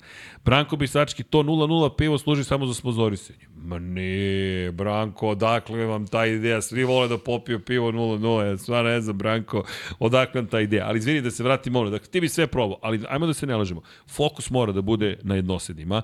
Upravljanje jednosedom je specifična kategorija, sa obzirom na činjenicu da sediš centralno pozicioniran, to je pra, mašina koja je pravljena isključivo za trkanje, to ne postoji u otvorenom saobraćaju, ništa nije napravljeno za otvoreni saobraćaj, nema tu, uh, osim retrovizora, nema ničega što vas podsjeća na otvoreni saobraćaj, ali i prelazak na sportske automobile, bez obzira koliko su sjajni, Le Mans i slično, ti opet se pomeraš praktično na levu stranu ili desnu stranu automobila, već izlaziš iz onoga što je rasno GP trkanje. Tako da, ako te ja dobro razumem, F koji god, fokus je na tome. F4 i Road jeste za ka Formuli 1, pretpostavljam da je to konačna ambicija. Tako ne je. želim da ti namećem bilo šta, ali samo to mora da se pita. Bar ja moram da pitam. Tako je. Mislim, puno ljudi je cilj Formula 1, Jasno? ali i meni je. Tako da, fu, ceo fokus je usmeren na putu ka tome. Trenutno Formula 4 i kasnije vidjet ćemo kako Bog odluči. Dobro. Lepo. Lepo, moj Andrija, dobro. Vidiš da te već svojatamo. Dakle, kada je reč o, o svojatanju, nema svojatamo te, pratit ćemo te. Šta ti je sad sledeći korak? Sledeća nedelja, verovatno, dakle, simulator Tako je. i ti si već krenuo akciju. Jeste. Dobro. Imaju neke trke u Abu Dhabiju, Dobro. imaju i u Španiji. Tamo je Dobro. toplo, vozi se, ali ja nemam dovoljno godina da bi to vozio. Stvarno, koliko moraš da imaš godine? 15. Znaš kao su, suviše sam mlad da bih vozio tu, ali dobro. Da možeš, da li bi, da li bi odjurio već sada? Pa naravno i to bi bio stvarno sjajan trening za italijansku, Jasno. pošto je fokus sada na italijansku, Šta bi trenirao konkretno u tim situacijama? Šta bi ti pomoglo? pa trkanje najviše. Jasno. Brzinu na treninzima bio sam na stazi, ali nikad nisam se trkao sa drugim vozačima u jednosedu, Jasno. tako da vizibilnost je isto mala i onda pretpostaviti gde je koji vozač isto jako bitno, tako da tu obazrivost mora da stekne. Ok. To je ono što smo pričali, još nisi bio u toj trci, u formuli. I to je samo kroz iskustvo možeš da stekneš. Tako je. Na simulatoru bit će tako, ali kao što je Miloš rekao, nije isto. Nije isto. Kakav je zvuk kad sediš u bolidu? Pa u bolidu, u F4. simulatoru, U- Ne, ne, ne, baš u bolidu. pa imamo slušalice za radio, Dobro? tako da to smanji zvuk puno, ali gledal, gledalcima je stvarno i on, mislim da bi oni morali čepiće da za uši da stave. Da, pa- lepo se čuju. Da, da, lepo, se Lepo oni se čuju. čuju, da. da. To, čekaj, to su atmosferski motori. Jesu. Da. Ja baš kad sam bio ovaj, e, na Hungaroringu prošle godine, Miloš je vozio Open GT i ovaj, pratići šampionat je bio regional. Evropski Tako je. regional, ovaj, stvarno kad, kad krenu, kad izlaze na, na start, kad krenu u koloniju, stvarno su, baš se dobro čuju. Baš je dobar zvuk. Da, čim je Iako to nisu atmosfera... pretarano veliki motori, da, ali, ali Dobro, kad se skupi njih čuje. mnogo. Ovolika je cev pozadi, tako da sasvim se lepo čuje. E, čekaj, koji su brojevi obrtaja koje dosegnete? To ne pitah. 7000. 7000. Je li ograničeno ili je prosto Pa to domet od neki tima do tima. Aha, Limiter je stavljen drugačije na svakom bolidu u svakom timu. okej. Kao što je, na primjer, i jačina kočnice isto stavljena. E, koliko je, da li je mekša kočnica u jednom timu ili drugom. Isto kao i kvačilo. Na primjer, u starom timu, bukvalno ovoliki je bio hod kvačila Dobro. i onda baš polako mora da se ide da se ne bi ugasio na startu trke. Jasno. A u Van Amersfoortu je znatno veći. Tako da meni odgovara da je veći, zato što imam više, Bolji osjećaj. tako je bolje osjećaj. Jasno. Feedbacka od auta i. A ili imaš već neki stil vožnje koji se izgradio, da li uopšte da te kalupimo tako Pa ili... jeste, malo je agresivan, Dobro, šta to malo znači? više. možda bi trebalo mal, malo smanjiti zbog Ti potrošnje to gume. ostalo iz kartinga ili, ili generalno ti odgovara tako? Pa, u kartingu, mislim da su svi imali jedan stil vožnje, pošto u kartingu... Zato te pitam, da. Tako da, je. da, da. ali u formuli je drugačije dosta. Veće staze, šire staze. I mam, vučem više na agresivni. Isto volim auto sa agresivnim prednjim krajem, sa puno rotacije. I to je to. Izvini, ajmo da to pojasnimo kad kažeš sa puno rotacije, agresivan prednji kraj.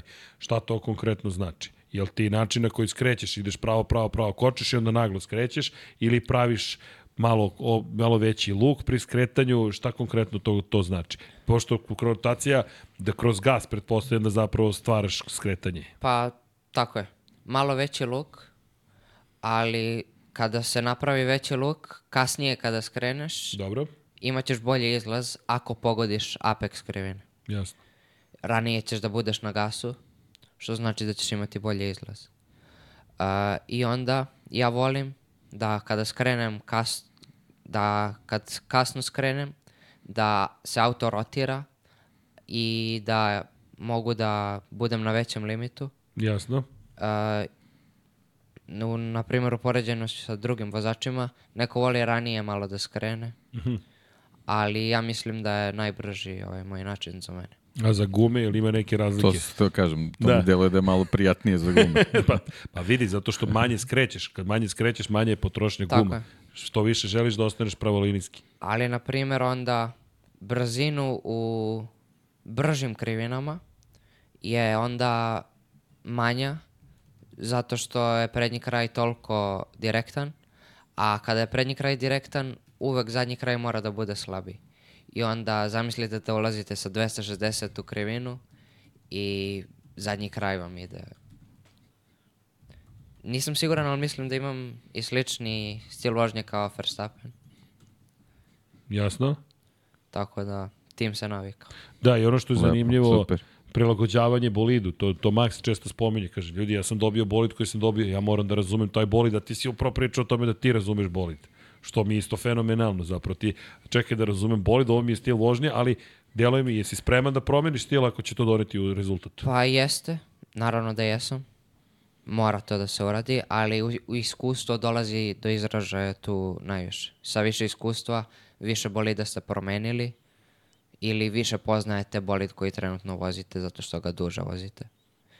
I onda kada ste menjali dugo više bolida, znate kako da se prilagodite na to i od čega da krenete odmah. A sa manje iskustva, možda vam treba malo više vremena da bi došli na taj nivo. E, Od čega ti krećeš kada se prilagođavaš? Pazi, pričamo s tom kad imaš 20 godina iskustva, a ne 23 meseca, ali deluje mi da zaista imaš vrlo jasan pristup tome. Kao, jel imaš neko pravilo svoje, krećemo do ovoga kada ulazimo u novi bolid, kako izgleda taj prvi krug? Pa prvi krug, uvek polako, navikavanje na stazu, gledanje situacija na stazi. Da li je mokro, da li je visoka temperatura, mala temperatura. Od toga zavisi kako krećete u trkački vikend. I onda sa tim povećavate i povećavate snagu koju date za svaki krug. Kako znaš da si na limitu, da si došao do granice? Pa baš kada je zadnji kraj nestabilan. Ok, onda kažeš ok, sad, sad moram da stanem. Tako je. Ali, na primjer, kada je nestabilan puno, ne mora da znači da si na limitu, možda znači da je setup nije dobar. A sa pravim timom znaš da imaš dobar setup, što znači kad se to desi da si na limitu. Lepo, vrlo onako školski, naučno, idemo jedno po jedno, jedno po jedno. Imaš puno pozdrava, imaš i, ja se nadam, nove pratioce. Evo da odgovorimo Radon- Radonjiću gde možemo gledati trke F4 na YouTube-u. Uvek prva trka sezone je u maju u Mizanu. Poslaću, postavit ću link na, na, na stranici Wikipedije za F4. 799 follower, ajmo na 800, Ajmo ajmo, na- još jedan, ajmo. Koliko ih je bilo kad si stigao, si pratio? 750. 750. To, ajmo drugari da izapratimo Andriju. Što više, hvala Boško na podsjetniku. Ne bih uradio ono što mi je posao, tako da hvala. Evo ga i link da možete da vidite ceo kalendar. I ljudi, što više ljudi prati Andriju, to će biti bolje. I sponzori će to da pitaju. Za sponzore često smo samo brojevi, za nas niste, ljudi ste pre svega, ali ajmo mi da pokažemo show show of strength. I kažemo, ček, ko ne prati Andriju? Svi pratimo Andriju i da vidimo gde, gde i kako. Inače imaš, imamo pitanje, ja sam odgovorio, Borisa Iduković je rekao, pre sve veliko poštovanje za cijelu ekipu Lab 76 i vaš rad, hvala najlepše, i Andriju, tu je Andrija. Hvala. Ukoliko bi se našao sponsor, da li mogu preko vas ili direktno kontaktiram Andriju putem Instagrama, pozdrav. Borise, pišite Andriji najpre, direktno na Instagram svakako, ali pišite i nama, mi ćemo preneti svaku poruku gde god da se javite, svakako će stići do Andrije, jer cilj jeste da, da, da, da ne, ne, ne samo, na njemu je da uradi svoje, ali dajte da mi njemu damo mogućnost svi zajedno da on može da uradi svoje. To je ono što je, što je najvažnije. Tako je. To Na je- Instagramu, znate kako se zovem.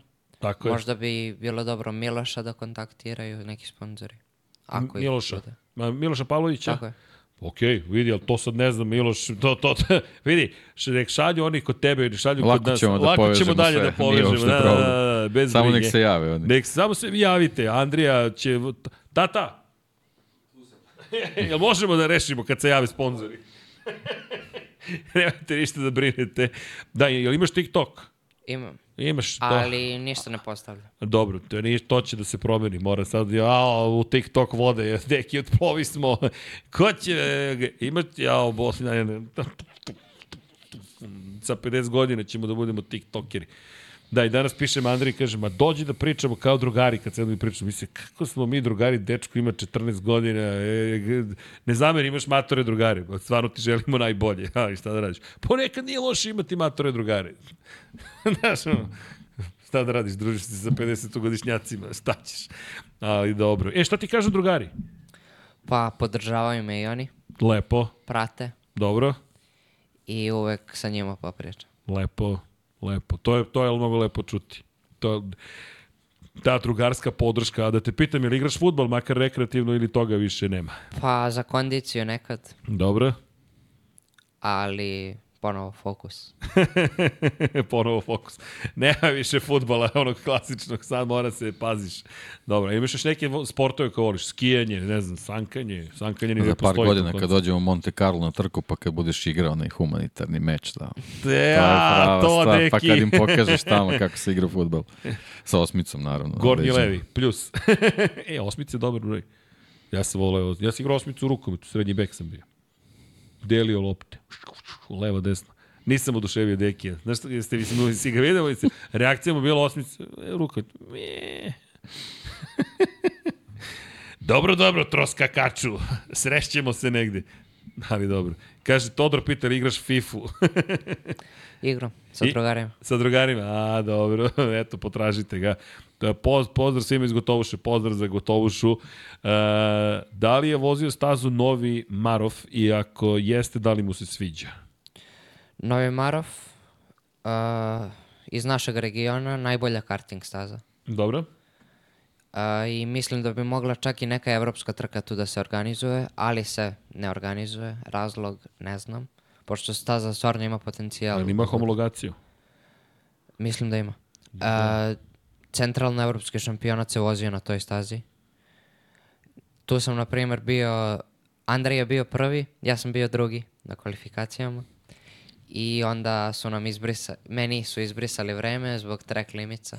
I Dobro. onda sam morao sa začelja da krećem. I I? draga mi je staza zato što sam se povratio od toga i I? napravio solidan rezultat. Dobro. Šta znači solidan rezultat?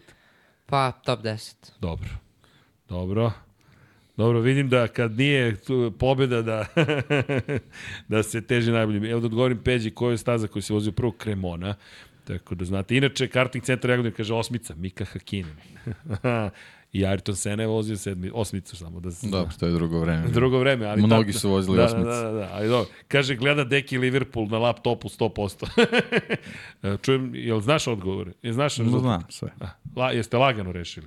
Evo ovde Ba, poručuju. da, nije baš poručuju- lagano, ali okej. E da, evo mama moja ti maše. Pozdravite mama. Pozdravite vi. Pozdravit ću. Mama, pozdravljamo te svi iz studija. Kažem ti, evo, 80 godina u Čileu je, ali ona YouTube-uje. Ne vredi, ne možeš da je skineš sa računara. Mama, čuvaj vid, nemoj posle da bude problema s naučenim. Šalim se, volim te, mama. Uh, Boris Ajduković, hvala na odgovoru. Još jedno pitanje za Andriju i Andriju Tatu. Da li slučajno ima neki ročeki u Čačku ili blizini Čačka? Pitam zbog prezimena. Tata, Ne. kaže nemaju, tako da znate. Uh, da, inače, da li voziš Assetto Corsa?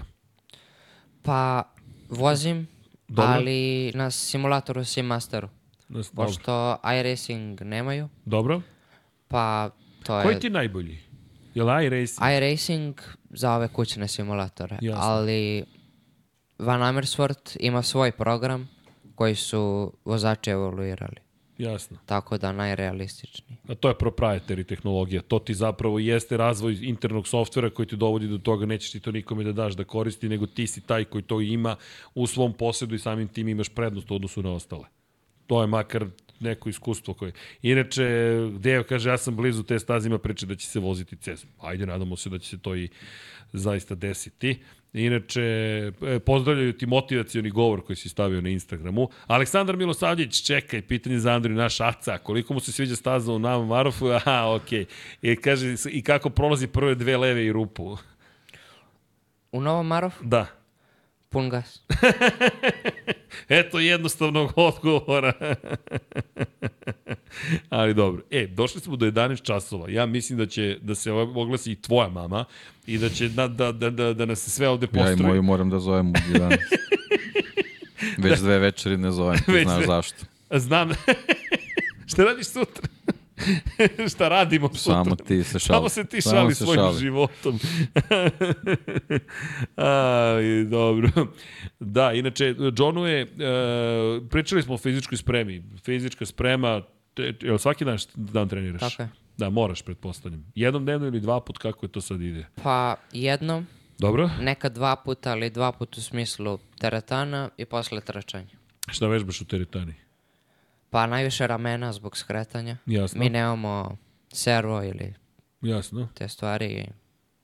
Na, Treba, treba izdržati pola sata na tom nivou i tom, na tom fokusu. a, leva noga, kočnica, Mnogo. Naprimer, običan čovjek da sedne sad u formulu, formulu 4 specifično, ne bi mogao 40% kočnice da iskoristi. Jasno. To je, ko je samo ko je vozio Juga pre servo kočnice. Kad su mi rekli, znaš, ovo Juga ima servo kočnicu, molim, a ja navikon, koliko stisneš, toliko koči, ali tvoj auto ide malo brže od Juga. koliko može da razvije. Ali da, ne, zato što je to česta situacija, ti zapravo kočiš, direktan je kontakt sa kočnicom. Koliko Tako ti je. pritisneš, to je to. Nema nikakve pomoći. Dobro, ti baš imaš ozbiljnu fizičku pripremu zapravo. Dobro, to je i vrat, naravno, kao što si spomenuo. Da. Dobro, eto. Nadam se, na, nadam se da smo uspeli da vam damo odgovore na neka osnovna pitanja. Ne zamerite što prekidamo, pričali bismo mi se još sa Andrejem, ali zaista moramo da vodimo računa i o pristojnosti. Mi smo još krenuli u 8, pa kao, okej, znaš, pristojno je vreme kad počinjemo, da smo znali, mogli smo u 6 da počnemo, pa do ponoći da pričamo. Šalimo se, Andrija, nema ništa da brineš. Ali, pre svega, želim da ti se zahvalim, zaista na odvojenom vremenu. Znam da ga nemaš mnogo, kao što smo mogli da čujemo. Tata mi je poslao poruku među vremenu 220 trkačkih dana te čeka ove godine. 220 dana u, u, u bolidu. To je baš ozbiljan, ozbiljan poduhvat i psihofizički, dakle, i da budeš odmoran i precizan i brz. Mi ti želimo mnogo uspeha. Ovo je samo početak, pazi, čućemo se mi još, nadam se sarađivati, raditi zajedno i želimo ti baš da ti bude sezona kako sanjaš. Neću ništa dalje od toga da pričam, znam da ti znaš i sam da je najviše u tvojim rukama, pratit ćemo šta se događa. Ja ti zaista molim, vidi, snimi na telefon 5 minuta, 5 minuta, da ubacimo u Lab 76 da se zna šta se događa i da prosto ispratimo sezone, sezone, napominjem, pošto će ih biti više i nadam se da se sretnemo i tokom godine, da malo neki update padne, dođeš u Lab 76 i ispričaš nam kako ide godina, tako nešto, znaš, da se malo ipak družimo. Uvek. To bi bilo lepo. Hvala ti na tome. I da vas pozdravim sve koji ste bili večera sa nama, jeste vanredno izdanje i jeste, ali čak ni vanredno postaje polako redovno, mada ova je priča koja se redko sluša, dakle ja ne znam, deki, jesmo imali sličnu priču uopšte, kamo li Pa skorije vreme? ne, na ovakav način, s ovakvim saznanjima ne.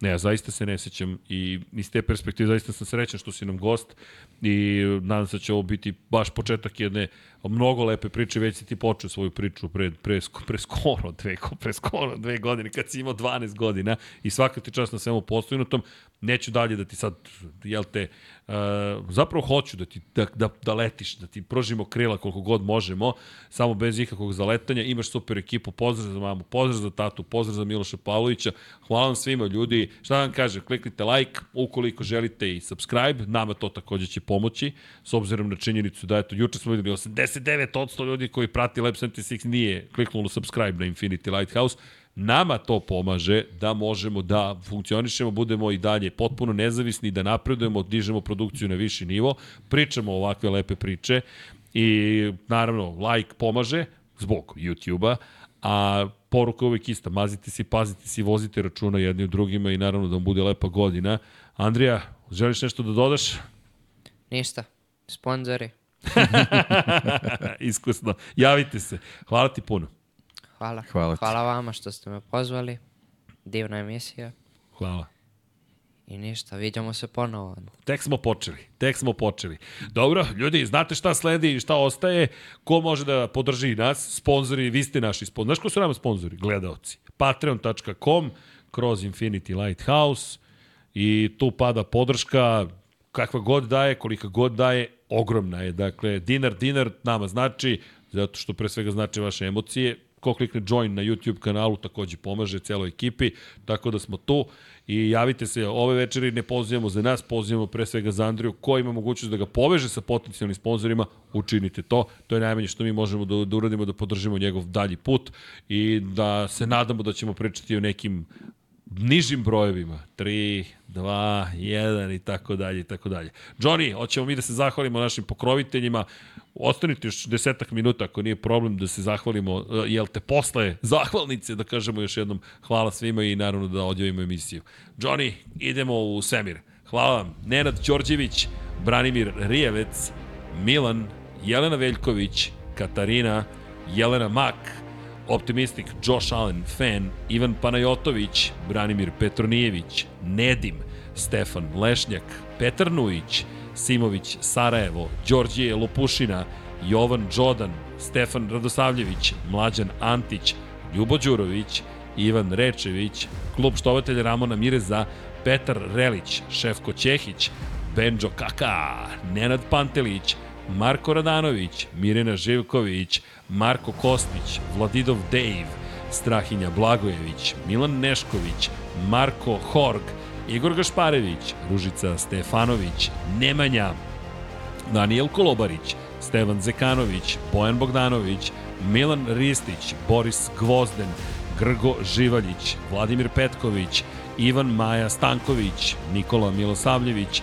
Alen Stojčić, Sead Šantić, Đorđe Andrić, Laslo Boroš, Bogdan Uzelac, Ivan, Ognjen Ungurjanović, Stefan Dulić, Đorđe Đukić, Renata Neš, Vladimir Stojedinov, Mihovil Stamičar, Armin, Mario Jelena Komšić, Danka, Bojan Majstorović, Lufonac, Šmele, Davor, Koša 46, Aleksandar Milosavljević, Kovačević Omer, Miloš Prodanović, Đorđe Milanović, Denis Špoljarić, Branimir Kovačev, Predrag Simić, Sava Dugi, Anonimus Donatorus, Marina Mihajlović, Mladen Mladenović, Marko Ćurčić, Stefan Vuletić, Dejan Vujović, Dušan Ristić, Branislav Dević, Boris Erceg, Stefan Milošević, Vučinić Miroslav, Jugoslav Krasnić, Dušan Petrović, Marko Petrekanović, Vukašin Jekić, Ivica, Luka Martinović, Zoran Baka, Tijena Vidanović, Crnogorski Jedi, Miloš Rašić, Džigi Bao, Dorijan Kablar, Bojan, Marin Antunović, Mario Vidović, Marko Mostarac, Salim Okanović, Ognjen Grgur, Kosta Ivanov, Darko Trajković, Deus Nikola, Bojana Zrnić, Admir Dedović, Nemanja Jeremić, Zoran Cimeša, Srđan Sivić, Vukašin Vučenović, Marko Marković, Branislav Marković, Daniela Ilić, Đole QB4, Damjan Veljanoski, Monika Erceg, Luka, Jelena Jeremić, Alen Vuletić, Dimitar Vasilev, Životić Jovan, Zoran Šalamun, Marko Blagojević, Nebojša Živanović, Tijana M, Luka Savović, Đerman, Žorž, Nikola Marinković, Lje Đurović, Stefan Prijović, Milan Milašević, Filip, Peđa Janković, Bogdan Mitrović, Matija Rajić, Miroslav Cvetić, Đole Bronkos, Ivan Čule, Matija Binotto, Antonio Novak, Nenad Simić, Tina i Ilija, Sean Hing, Jesenko Samarđić, Aleksandar Mitrović, Lašlo Bolok, Jeca N, Stefan, Ivan Cigir, Ferenc Laslofi, Mladen Tešić, Lazar Pejović, Veselin Vukićević, Nikola Beljić, Vladimir Uskoković, Ertan Prelić, Miloš Radosavljević LFC, Borislav Vukojević, Robert Čolić, Dejan Avić, Andrija Branković, Mirena Kovačević, Stefan Ličina, Dragan Nikolovski, Bahter Abdurmanov, Predrag Pižurica, Neđo Mališić, Aleksa Lilić, Vamblisapa, Armin Durgut, Boris Golubar, Da žena ne sazna, Ivan Maksimović, Živojin Petković, Stefan Janković,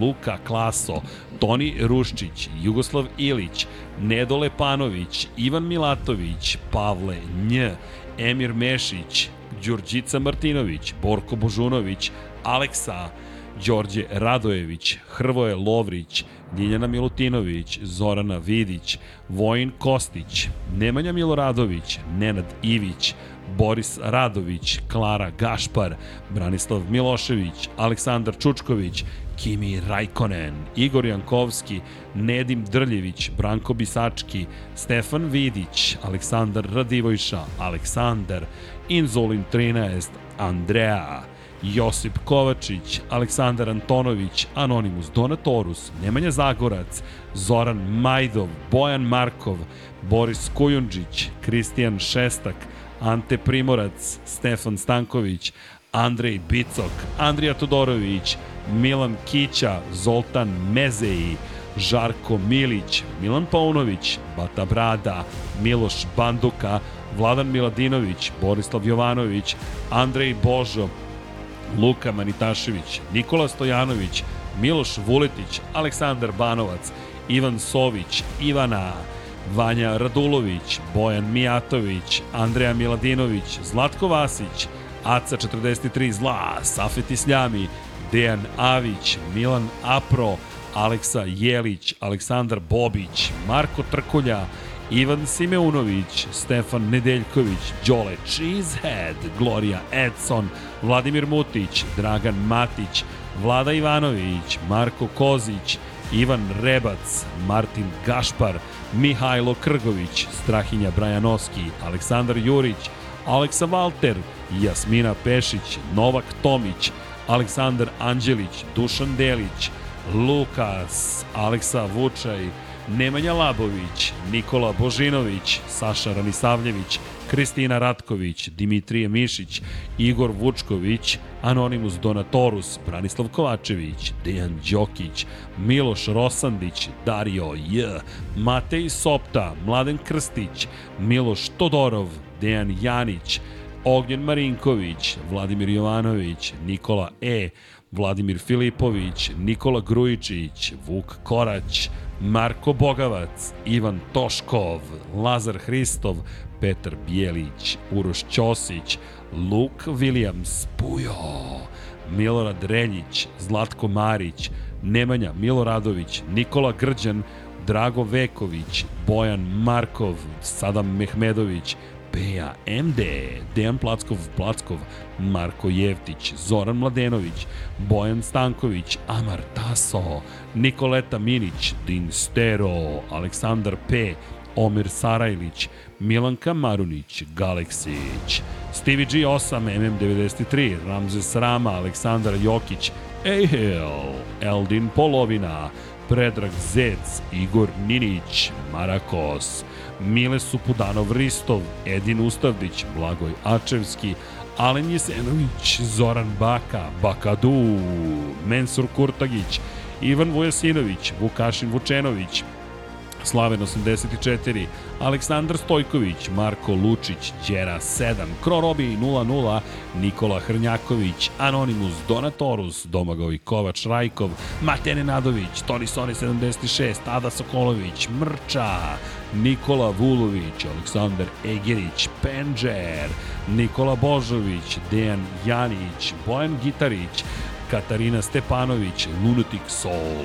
Kromid, Saša Stevanović, Marko Bogavac, Ljiljana Milutinović, Nikola Adamović, Žika Su, Aleksandar Kockar, Konstantin Mlinarević, Almedin Ahmetović, Igor Ilić, Vladimir Vujičić, Ivan Božanić, Mađar 007, Almir Vuk, Aleks Vulović, Vojislav Tadić, Nikola Grujičić, Igor Vranić, Miloš Stanimirović, Nemanja, Pavle Lukić, Jovan Bojanić, Nedžad Mrakić, Miloš Zed, LFC, Bruno Jurić, Filip Knežević, Vladimir Subotić, Future Graciano Rossi, Tatjana Lemajić, Nemanja Cimbaljević, Tomić Miloš, Aleksandar Radivojša, Uroš Čuturilo, Branko Rašević, Marina, Vlada Ivanović, Vladan Đurić, Ivan Vincetić, Deni Fejzić, Stefan Škrbić, Ivor M, Srđan Ćirić, Vladimir Bulatović,